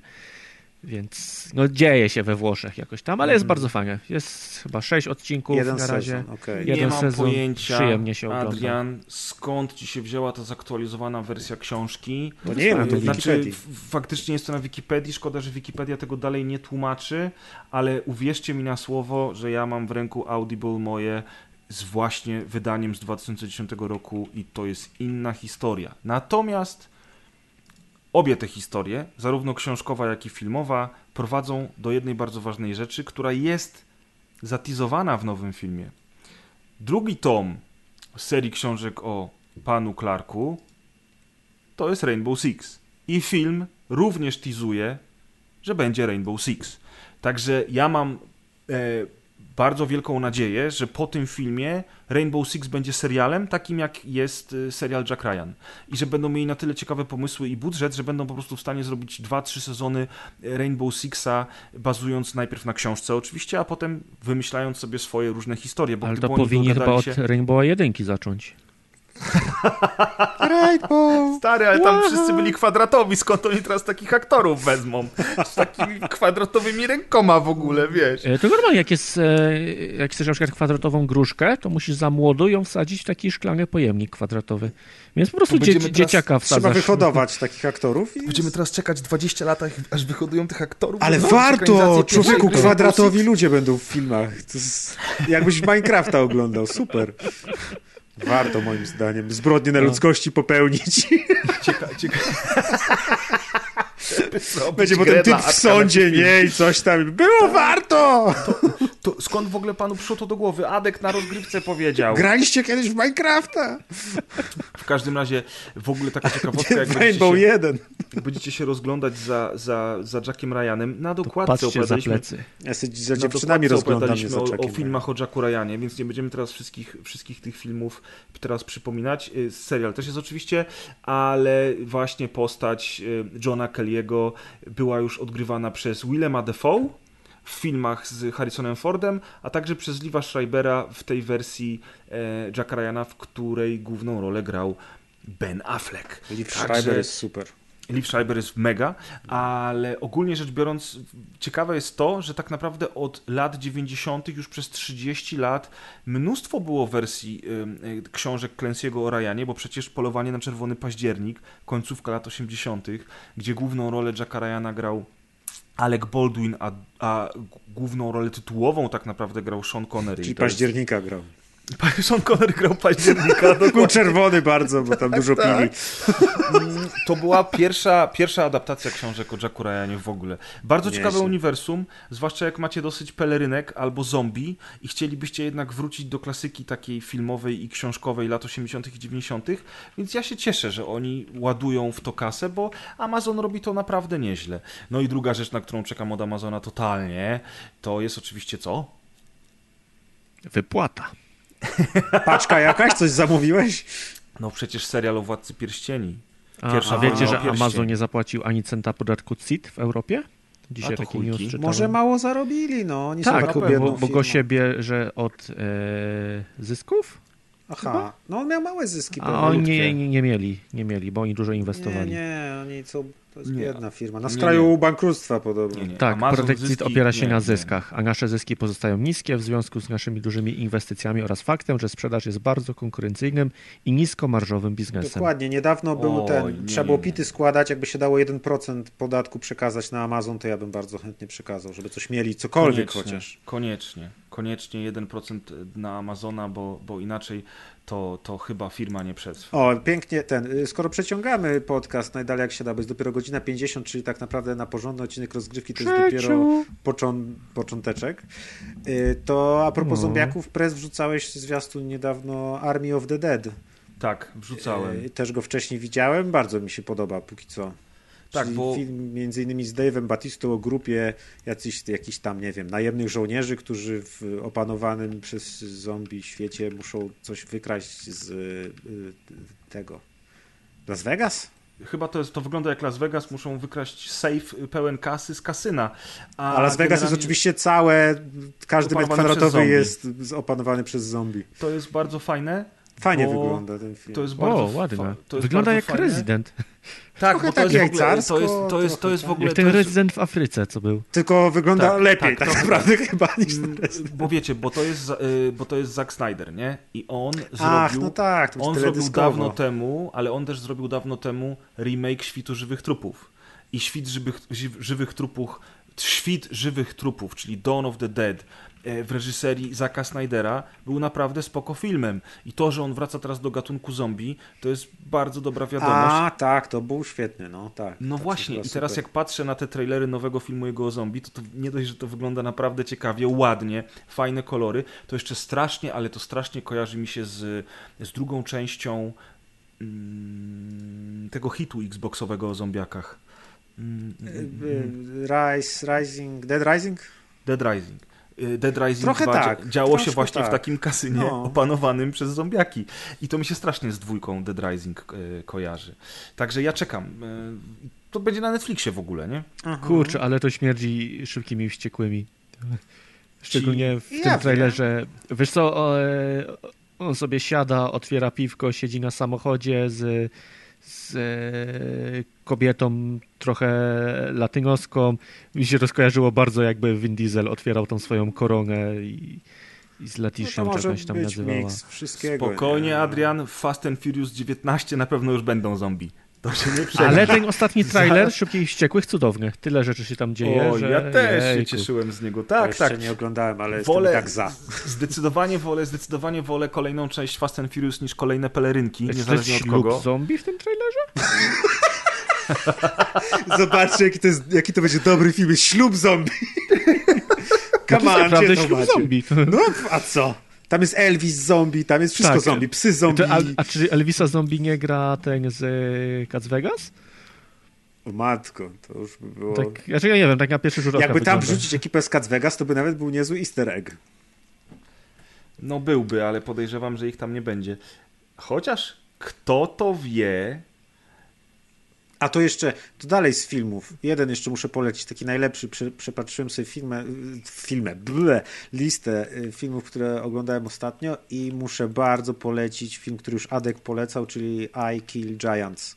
Z 2017 roku. A ty nie mówiłeś o tym ostatnio? Nie mówiłem? Czy mówiłem? Nie mówiłeś. Znaczy pisałeś chyba. Może A, pisałem. możliwe, że on to pisał na czacie. Ale no. na, nie- no nie będę nic już o nim opowiadać, ale jest naprawdę, naprawdę jest opowiadaj, przecież najlepszy. nie jak-. Znaczy nie, go się nie da opowiedzieć bez oglądałem. spoilerów. To Ciężko jest, go problem. opowiedzieć, można sobie zobaczyć zwiastun, ale jest. Wydaje się, że to jest film o, o, o dzieciach dla dzieci albo dla młodzieży, że taki kolejny tam nie wiem. Chociaż już nie będę nic mówić, że Harry Potter, bo jeszcze obrażę kogoś, bo powiedzą, że Harry Potter Ale jest jest producentów Harry'ego Pottera. No właśnie, więc może takie sprawiać wrażenie, ale jest y, nie dla dzieci i jest naprawdę. No, no to jest najlepszy film, jaki widziałem chyba w tym roku póki co. Jest co Mm, prawda z aż tak. 2017, ale tak, no jest świetny. Chociaż trochę się obraziłem na, na Atka na, na końcu, bo mnie. No, no nieważne, ale nie powiedział, nie, powie, nie zdradził mi wszystko o tym filmie, ja też nikomu nie zdradzę, ale jest naprawdę dobry. I potem, jak to jest taki film z gatunku taki, który jak raz obejrzysz, to potem mówisz wow i możesz go od nowa oglądać jakby świeżym okiem, powiedzmy. Tak, no ja go obejrzałem, a później przeczytałem komiks i, i komiks jest równie dobry. Zresztą komiks y, tam w 2009 chyba wygrywał różne nagrody, a jak ktoś jest ciekawy, to w kolaudacji z Tomkiem Pieniakiem rozmawiałem o tym filmie. Jest podzielony na część bezspoilerową i spoilerową, więc można sobie tam wskoczyć i chyba godzinkę o tym rozmawialiśmy. W sumie, A, że, ponieważ to się dzieje w rozgrywka wers, więc ta rozmowa jest kanoniczna. Tak, Dokładnie. oczywiście, że tak. w sumie, żeby zachęcić jakby zupełnie bezspoilerowo, to można powiedzieć, że to jest film o y, nastoletniej dziewczynce, która y, nie wiadomo dlaczego, ale broni swojego małego miasteczka przed atakującymi go gigantami takimi fantastycznymi. Bardzo dzi- dziwnie to wygląda, ale naprawdę Jest ja... śliczne CGI, takie naprawdę ładnie zrobione. No jest tak, cały, cały film jest fajnie zrobiony, ma świetne tempo jakby, bo może się wydawać, że się długo dosyć rozkręca i jest taki niby monotonny, ale ja się ani minuty na nim nie nudziłem, tylko bardzo się przyjemnie go oglądało, świetnie się płynęło przez tą fabułę. Super, naprawdę. Polecam. To miło mi, miło mi Mm. słyszeć, że się spodoba. Miło mi Jadek, miło mi Maciek. E, to ja też jeszcze jedną polecajkę walnę. E, jak przeciągamy, to przeciągamy. Pewnie. E, bo obejrzałem sobie świeżynkę na Netflixie Yasuke, czyli Nie mów tak Jeden- sobie. e, film e, anime Netflixowe zrobione przez studio Mappa opowiadające luźno historię czarnego samuraja Yasuke. To jest postać historyczna, która faktycznie istniała i zachowały się źródła. Przy czym anime jest bardzo mocnym fantazy z mechami i, i, i z magią. I też jest tylko sześć odcinków. Wszystkich sześciu się dzieją rzeczy. Są ciekawi bohaterowie, jest dużo akcji, dużo się dzieje, warto obejrzeć. Ma mocny vibe taki afrosamuraja trochę i nie chodzi mi o kolor skóry, a o to, że jak jest prowadzona akcja i że jest angielski dubbing, który rzadko kiedy w anime jest dobrze zrobiony, a tu jest pasujący. Bardzo fajne. Nawet jeżeli ktoś nie przepada za anime, to tutaj nie ma takich tradycyjnych animowych tropów, tylko bardziej się ogląda jak zachodnią animację. Polecam. Jest na przykład Kobita Niedźwiedź. Nie, no to No. jestem kupiony.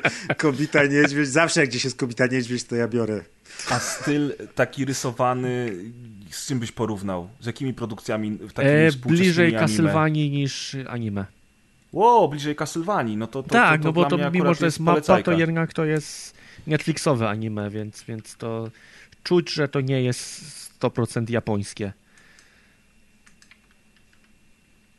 Okej. No bo jak No się w Google wpisze Yusuke, to Yasuke, coś- przez albo to Yasuke. Y-A. Y-A. No takie mówię, no bardziej, basz, A, no tak, bardziej. Takie, Nowoczesne powiedzmy bardziej. Tak, tak. I bardzo ładnie rysowane.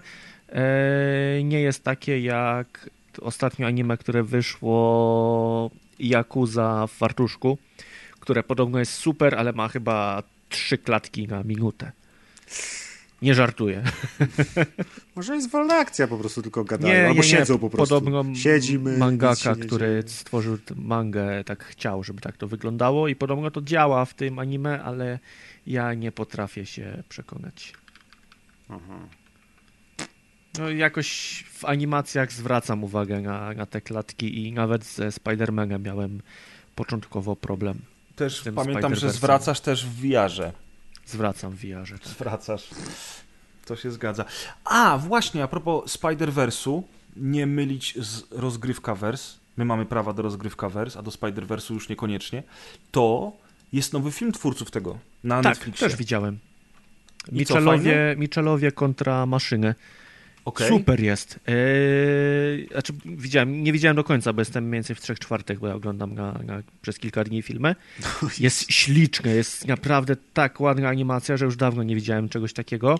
Jest bardzo zabawne, ma ciekawe przesłanie, bohaterowie są zabawni, niedenerwujący. E, historia jest dość sztampowa, ale przekazuje jakieś takie fajne, fajne, jest cały czas fajne, powtarzam, ważne wartości. E, troszkę zagra na, na nostalgii, bo na przykład w pewnym momencie Ferbi spotykają. W, Kto to jest Ferbi? No nie znasz Ferbiego? Takie, Ferbi taka ma, maskotka z dzieciństwa? A, ja myślałem, że ty źle y, wymawiasz y, nazwisko, Ferbi. czy ksywę Fergi. Nie, nie, nie, Ferbi, ten taki puchaty z uszkami. Ten z oczami taki. I, zwiastunie. tak, tak, tak, tak. Jop, jop, Jest jop. bardzo śmieszny mops i jest taka scena, gdzie e, jeden z robotów skanuje tego mopsa i się zastanawia, czy to jest świnia, czy to jest pies, czy to jest bochenek chleba. Jak to mops. No, no, bardzo fajne, polecam. E, Michelowie kontra maszyny. Naprawdę dawno nie widziałem tak ładnej animacji. Nie wiem, jak to jest zrobione, ale sobie stopowałem aż klatki i Chyba przyglądałem się temu, jak... No to jest, ale w ogóle też ma fajny motyw, bo oprócz tego, że jest komputerowo animacja, to jeszcze na to są dokładane takie komiksowe rysunki i, i teksty, takie jak czasem się robi, jak na przykład było w Scottie Pilgrimie, którego też ostatnio oglądałem. A, a. Świetna rzecz. Ja ostatnio bardzo dużo rzeczy na Netflixie obejrzałem. Jak tu fajnie się przekonać do oglądania filmów, widzisz? Tak, obejrzałem sobie też taki serial jak Cień i Kość. No właśnie, co to jest? Bo widziałem, że to I jakieś to jest tam... taka na jest. podstawie literatury dla, dla młodzieży, więc raczej ci się nie spodoba. Aha, to nie. Standardowe fantazy, ale mnie Aha. kupują takie rzeczy, obejrzałem i od razu kupiłem sobie książkę, żeby przeczytać. A książkę być może widzieliście, bo to jest książka Szóstka Wrona się nazywa, też dość znana. Ale raczej nie, nie dla was serial. Czemu nie dla nas? No bo wy nie, nie specjalnie lubicie literaturę dla, dla nastolatków. No Adek faktycznie. jeszcze jest nastolatkiem, No. już nie bardzo. No Nie, mnie cieszą takie magiczne rzeczy i, i ładni ludzie. No tobie pokazać sztuczkę ze czarują. znikającym kciukiem i po prostu się chichrasz przez trzy dni, no. To prawda. A to jeszcze mam do was pytanie, y, jako do fanów y, właśnie pelerynek, o, bo Marvel zapowiedział ostatnio jakąś czwartą fazę swoją i widziałem, że po prostu wybuchł internet cały i że po prostu ludzie no, wybuchają z radości jak bomby. No niestety, bo to ludzie są. No. Tak, Wiesz, to jest kurwa, ile można, ile można, naprawdę No ile jak można, to? nie? Tyle, póki się sprzedaje, no. No właśnie, to jest to dopiero problem. czwarta faza, moim zdaniem to Call jest of dopiero Duty, czwarta FIFA faza. i, i co roku to samo. Znaczy spoko, bo tam ja widziałem, że tam są jakieś, jakieś zupełnie nieznane mi postacie typu mm, ktoś tam i jeszcze ktoś tam. No, I one dokładnie, Są i tak tamten nieznane, że nawet nie no. pamiętam jak one się nazywają, bo ja tych komiksów w życiu nie czytałem, a to były na tyle niszowe postaci, Ale oni tak, przynajmniej oni tutaj. tak z 10 filmów chyba zapowiedzieli, nie? Immortals w ogóle. I to coś, coś tam ma się wychodzić nazywają. nawet już tam za dwa miesiące, czy coś? Tak, Chyba. jakiś, jakiś azjatycki superbohater, który na pewno jest współtworzony z Chińczykami i zarobi kupę pieniędzy, ale zaskakujące jest to, że będzie sequel Cz- Czarnej Pantery, bo jak wiecie to aktor, który się wcielał w Czarną Panterę zmarł na raka niestety w bardzo młodym wieku. E, I wydawało mi się, że nie będzie już sequela. Tymczasem będzie sequel, będzie nazywał się Black Panther Wakanda Forever.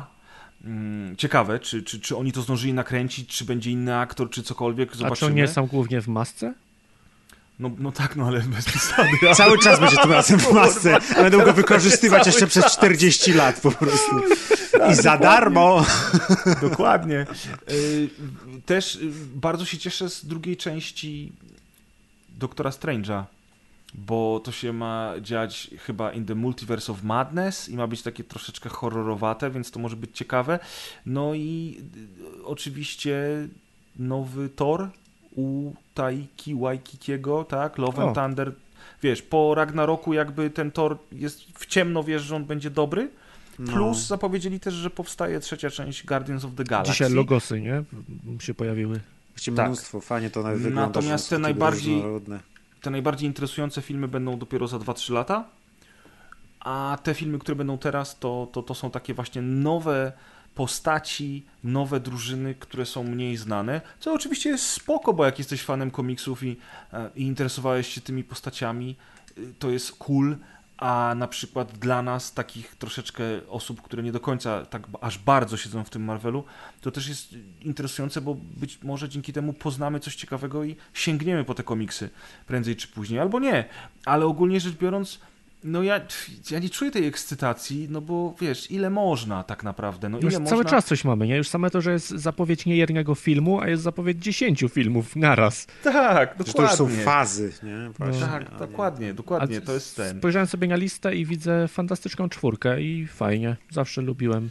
Może, teraz, może tym razem wyjdzie. czwórka, Bo w ogóle był, bo w ogóle to jest ciekawe, bo e, ta, była taka zajawka od wczoraj na YouTube pokazująca tą czwartą fazę i tam były na początku fragmenty z poprzednich części. Potem pokazywali właśnie te, y, co będzie następne, głównie to były logosy i gdzieś tam w pewnym momencie pojawiło się logo Marvela, a w tle była ta czwórka, ale ona była bardzo niewyraźna. I ja od razu zobaczyłem to i mówię, o kurde, teasują nową fantastyczną czwórkę. A propos, Michael B. Jordan grał w ostatniej fantastycznej czwórce, jedną z głównych postaci. On chyba grał właśnie Johnego Pochodnie, o ile dobrze pamiętam. Aż to sprawdzę. O. Ma- Ale to jeszcze z filmów, co nie powiedziałeś, to Ant-Man. Tak, no e, trzecia część. The Marvels. Czym jest The Marvels? Czy to Nie chodzi o właśnie. Miss Marvel i, i pana Marvel? Tak, to jest ta Miss Marvel i tam będzie miała pomocników O, młodych jakichś. To jest super, Ale bo... A nie, Która Miss Marvel, Marvel? czy Captain Marvel? Captain Marvel, przepraszam. Nie, okej, chłopaki, okej. nie, nie, nie, nie. The Marvels to jest zupełnie inna ekipa. Właśnie o to chodzi. Tam nie, nie ma chyba Captain Marvel. Ja to wiecie, ja się znam O, na nie, ta, Michael widziałem Ale wyszukałem The. Marvels i mi napisało Captain Marvel 2. Tak, bo to Aha. jest sequel do, do Okej, tego. no jeżeli, jeżeli tam jest Captain Marvel, to super, bo Captain Marvel to jest mój ulubiony Marvelowy film. No to spoko, ale wydaje mi się, że The Marvels to jest coś innego. Widzisz, tak rzucamy rzeczami... Jest on No kontynuacją filmu Kapitan. Marvel. Bo jest jeszcze Więc The Eternals. Marvels, The Marvels wchodzi w skład czwartej fazy Marvel Cinematic Universe. Jest to 31 film należący do tej franczyzy. Jest on kontynuacją filmu Captain Marvel z 2019 roku. Przepraszam, mieliście rację. No, no to się cieszę, bo mówię, bo Captain Marvel mi się podobała, aczkolwiek kontynuacje z reguły już nie są tak fajne jak pierwotne, no bo nie miałem żadnych oczekiwań co do pierwotnego filmu No tak. i poszedłem i dostałem taki miks Guardians of Galaxy, trochę z... Ma, mało pelerynkowy to był film i pewnie to dlatego ludzie byli zawiedzieni, zawiedzeni, a dlatego mi się podobało.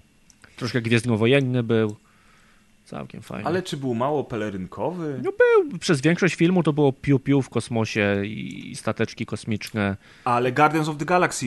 Green mówisz. Lantern. Nie, Captain Marvel mówię. Captain A Marvel. gdzie tam. Captain Marvel był w kosmosie? Przecież ona cały czas Cały początek była. był w kosmosie. Może, widzisz, mi się... Właśnie to jest problem, że mi te filmy się już zlewają w jedno.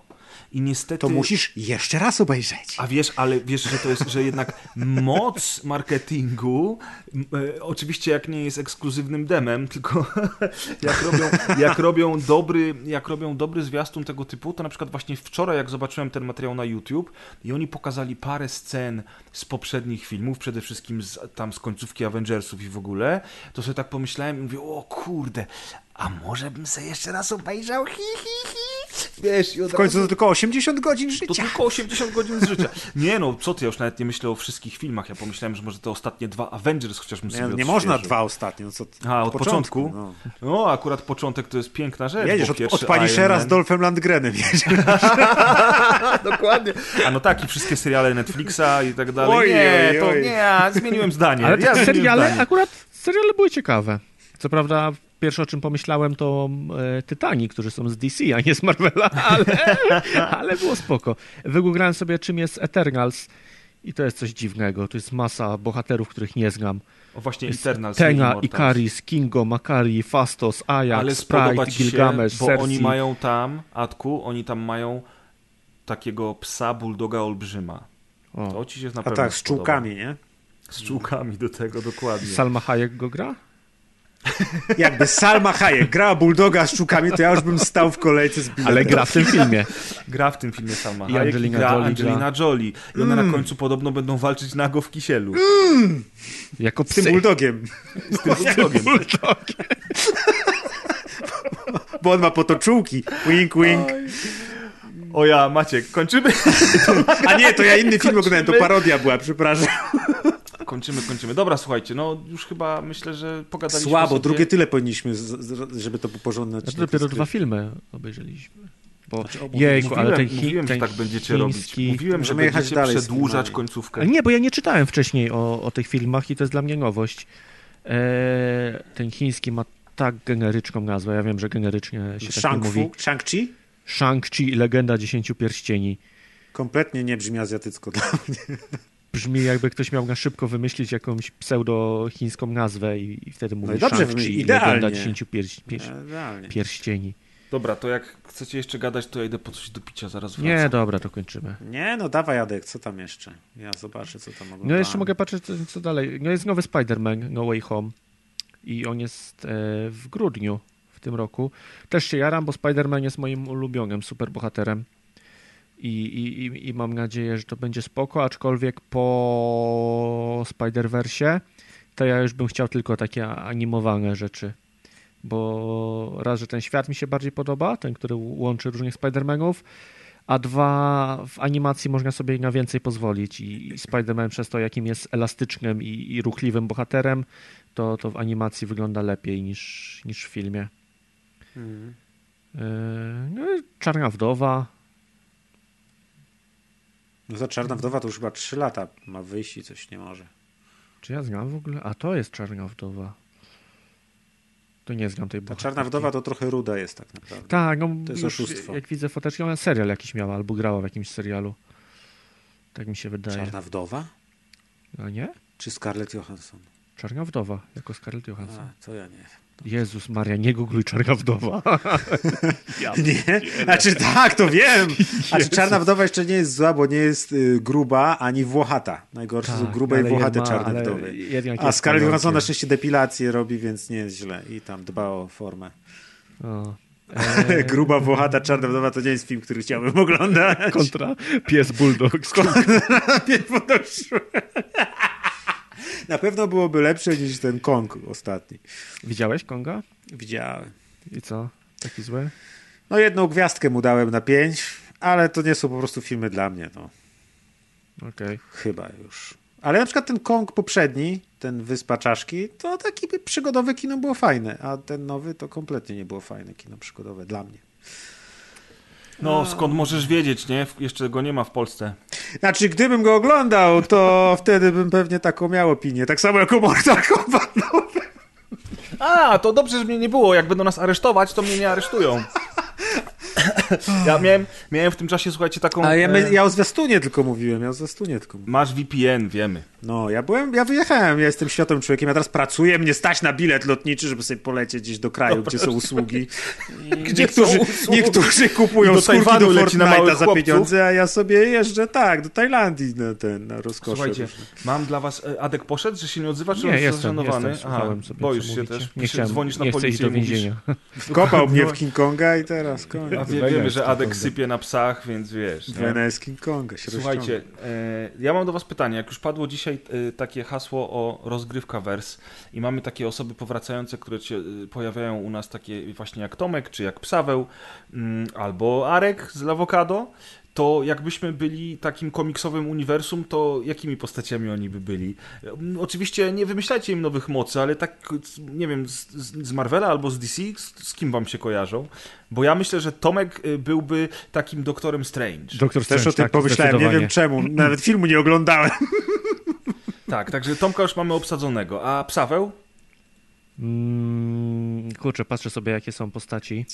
Byłby Ja myślę, że Hulkiem. byłby tym bulldogiem Hulkiem? z czułkami, No. skoro jest Psaweł, nie? To był tym bulldogiem. A nie, to za łatwe jest. To, jest za łatwe, tak. A jest jakiś człowiek-pies? E, No Dany the. Dog był taki film z Jetem Lee, ale to nie Marvel. Nie, nie, to, to nie, to nie superbohaterowie. A ładnie tam kopał. Nie ma chyba, Okej. patrzcie, nie ma superbohatera, który jest człowiekiem psem. To jest w ogóle skandal. To jest moim zdaniem jakiś rasizm na psach.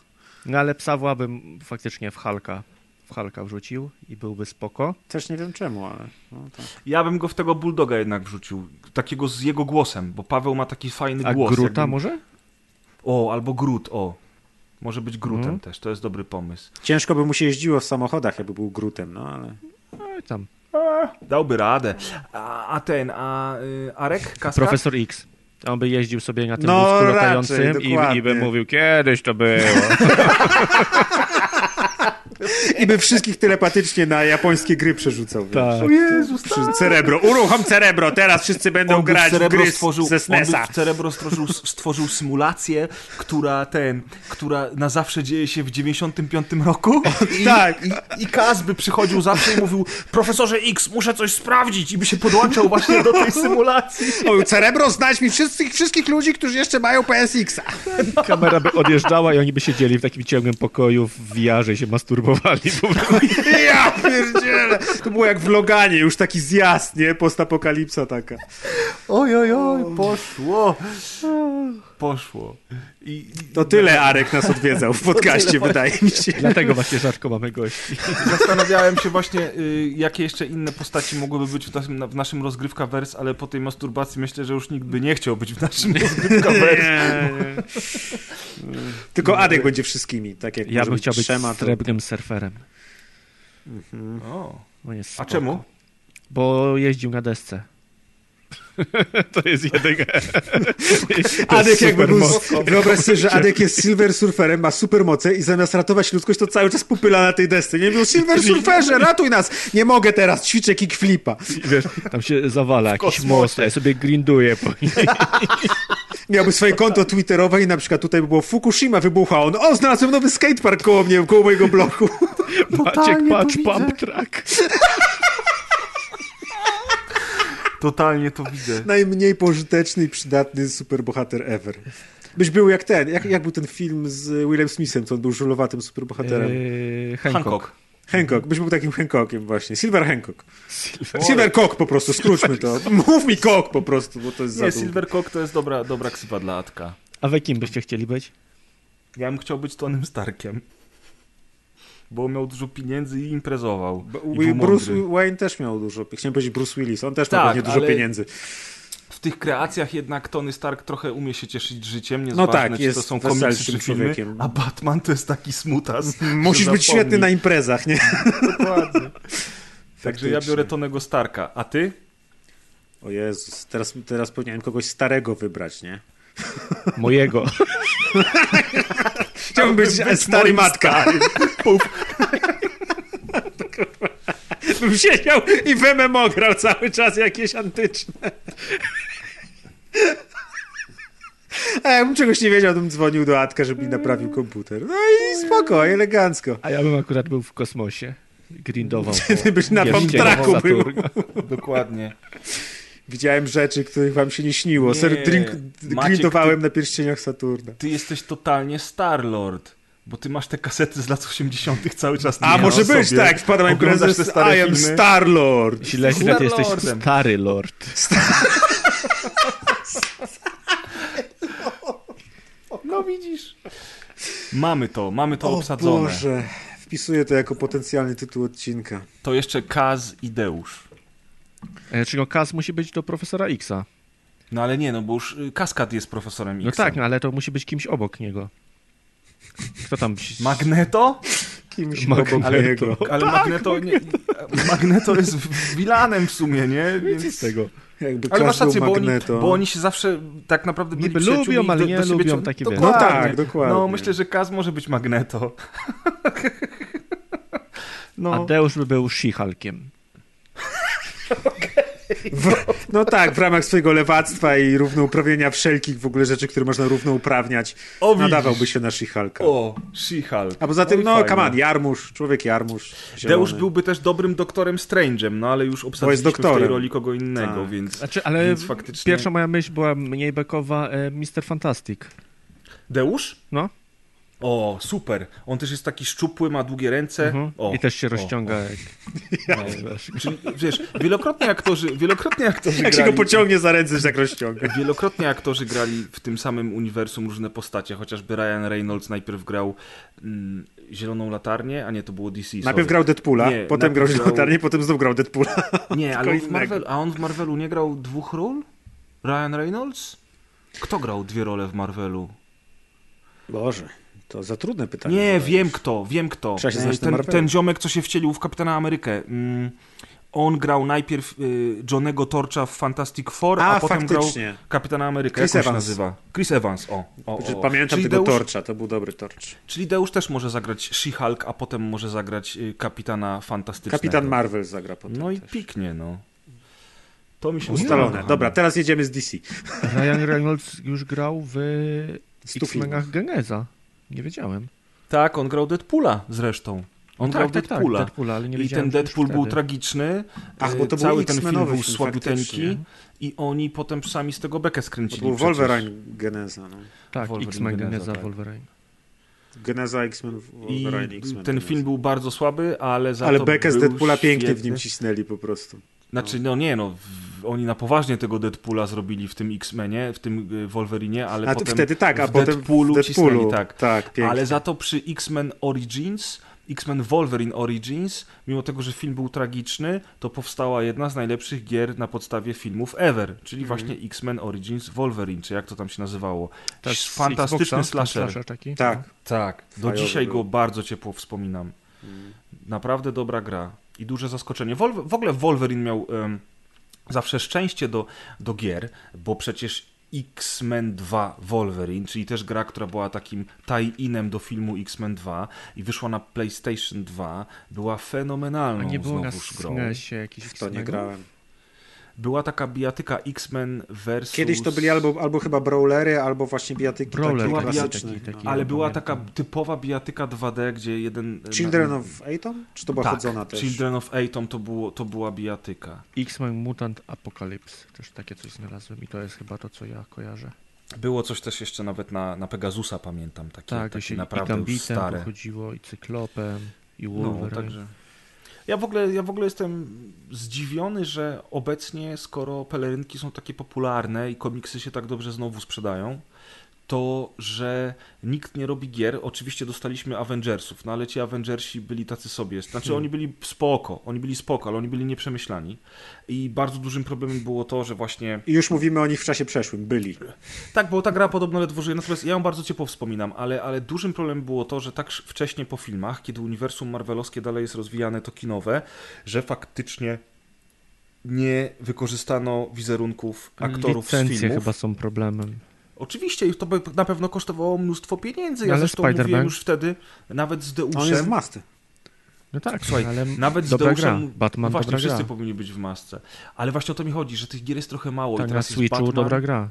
Znaczy, patrząc na ilość filmów, Marvel to faktycznie Ultimate gier Alliance nie ma w 3, ogóle. Tak, tak, tak. tak. Marvel Ultimate Alliance 3 jest bardzo średnią grą. Jest Jest spoko grą. na- No nie, no nie jest Atku. Zagraj sobie w jedynkę i dwójkę. Nie, nie, no kurwa, co ty, ja Bez nie mam przesady. 13 lat, ja też bym... No już 14 nie gra w takie gry. Zdziwiony jestem po prostu, że tego się bardziej nie eksploatuje, bo można by było zrobić naprawdę kilka dobrych gier. Tak, chociażby Yy. takiego wilkołaka, jak ja ostatnio grałem, to się dziwię, Tylko że dobrego. takie gry, nawet nie, że dobre, że takie gry Activision nie rzuca. Nie, no bo kiedyś była cała masa tych gier na, na Czy takich licencjach. B-klasowych po prostu. Ale żeby ich było 50. Żeby się sprzedało w No teraz tylko Lego premiery. chyba wychodzą, nie? Jakieś takie tam No Lego się czepia tych. Avengersów czy coś. Ale, ale rzeczywiście, patrząc na ilość filmów, to tych gier to nie ma w ogóle. A, a, a filmy są z różnych gatunków i różnych światów, więc spokojnie No tak. można było I nawet te postacie mają racera takie- rzucić jakiegoś. Dokładnie. Kart Racera. No. Czy Albo bijatyka. Ale właśnie było Injustice. Było Injustice i było bardzo dobre. Tak. No ale to jest jednak dalej za mało jak na moje. Tym No tak, bardziej, mało. że wiesz, jest jeszcze inna kwestia. My cały czas orbitujemy wokół Marvela i wokół DC, a tych wydawnictw jest więcej.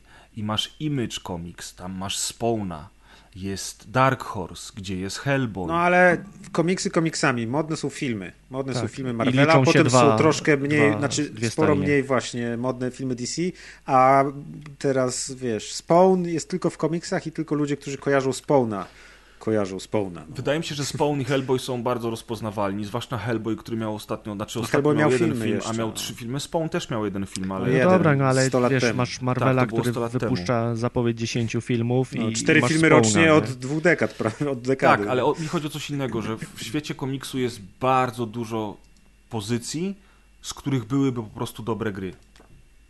I szkoda, że tego się nie robi.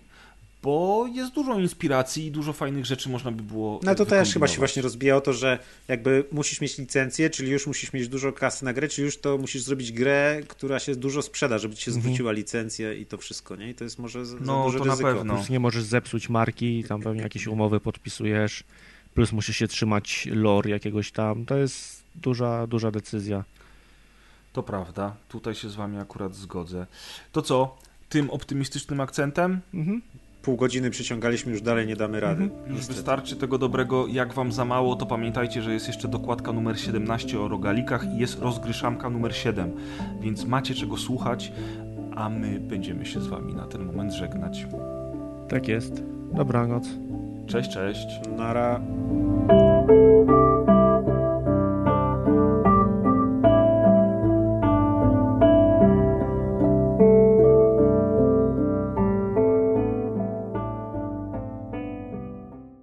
Kurwa. Podpisałem Adel, więc się nie przejmuj. Wow! Wow! Będę pierwszy raz montować Adele. Elegancko. A co Ewelina na to? Cicho, cicho. Cichutko Adel. Cicho, Adel, dobrze, że schudłaś. Na pewno teraz obraziłem co najmniej 8 milionów ludzi, ludzi, osób na świecie. Już nie nagrywasz już tego. Jak się nie Nagrywa. nagrywa? Nagrywa się. Powiedz coś, pres, o Hitlerze, to zobaczymy, czy się nie nagrywa. Skoro się nie nagrywa, to możesz śmiało wyjść ze swoimi prawdziwymi poglądami. Wiecie, dlaczego bokserzy nie uprawiają seksu przed walką? Bo się nie lubią. A jak się lubią? To walczą w MMA wtedy. I ja wtedy Co pół, co pół godziny. Pij wodę. Nie, co godzinkę mniej więcej. I staram się wypić wtedy. Aha. I faktycznie piję więcej. Więc i sikam więcej. I przez to nie śpię. Kurwa, całe domino powiązań, kurwa. Właśnie dlatego nie lubię pić. Zainstalowałem apkę i teraz z tym, kurwa, nekromantą jest cały przyczynowo-skutkowy ciąg zdarzeń, który do tego prowadzi. Mam teraz ogon i biegam w nocy po dachach i to wszystko się zaczęło od apki IF-owej, że zacząłem pić wodę. Dobra, dobra. Jest dzień strażaka i dzień hutnika. Jest I dzień podcastera? Warto, wszyscy Raz, dwa, raz, dwa, trzy. warto o tym wspomnieć. no to wspomnisz, ale to bo będzie w piątek, więc powiedz, że trzy dni temu był dzień chodnika. A dzisiaj jest 40-lecie misia. Filmu? Nie, kurwa gry.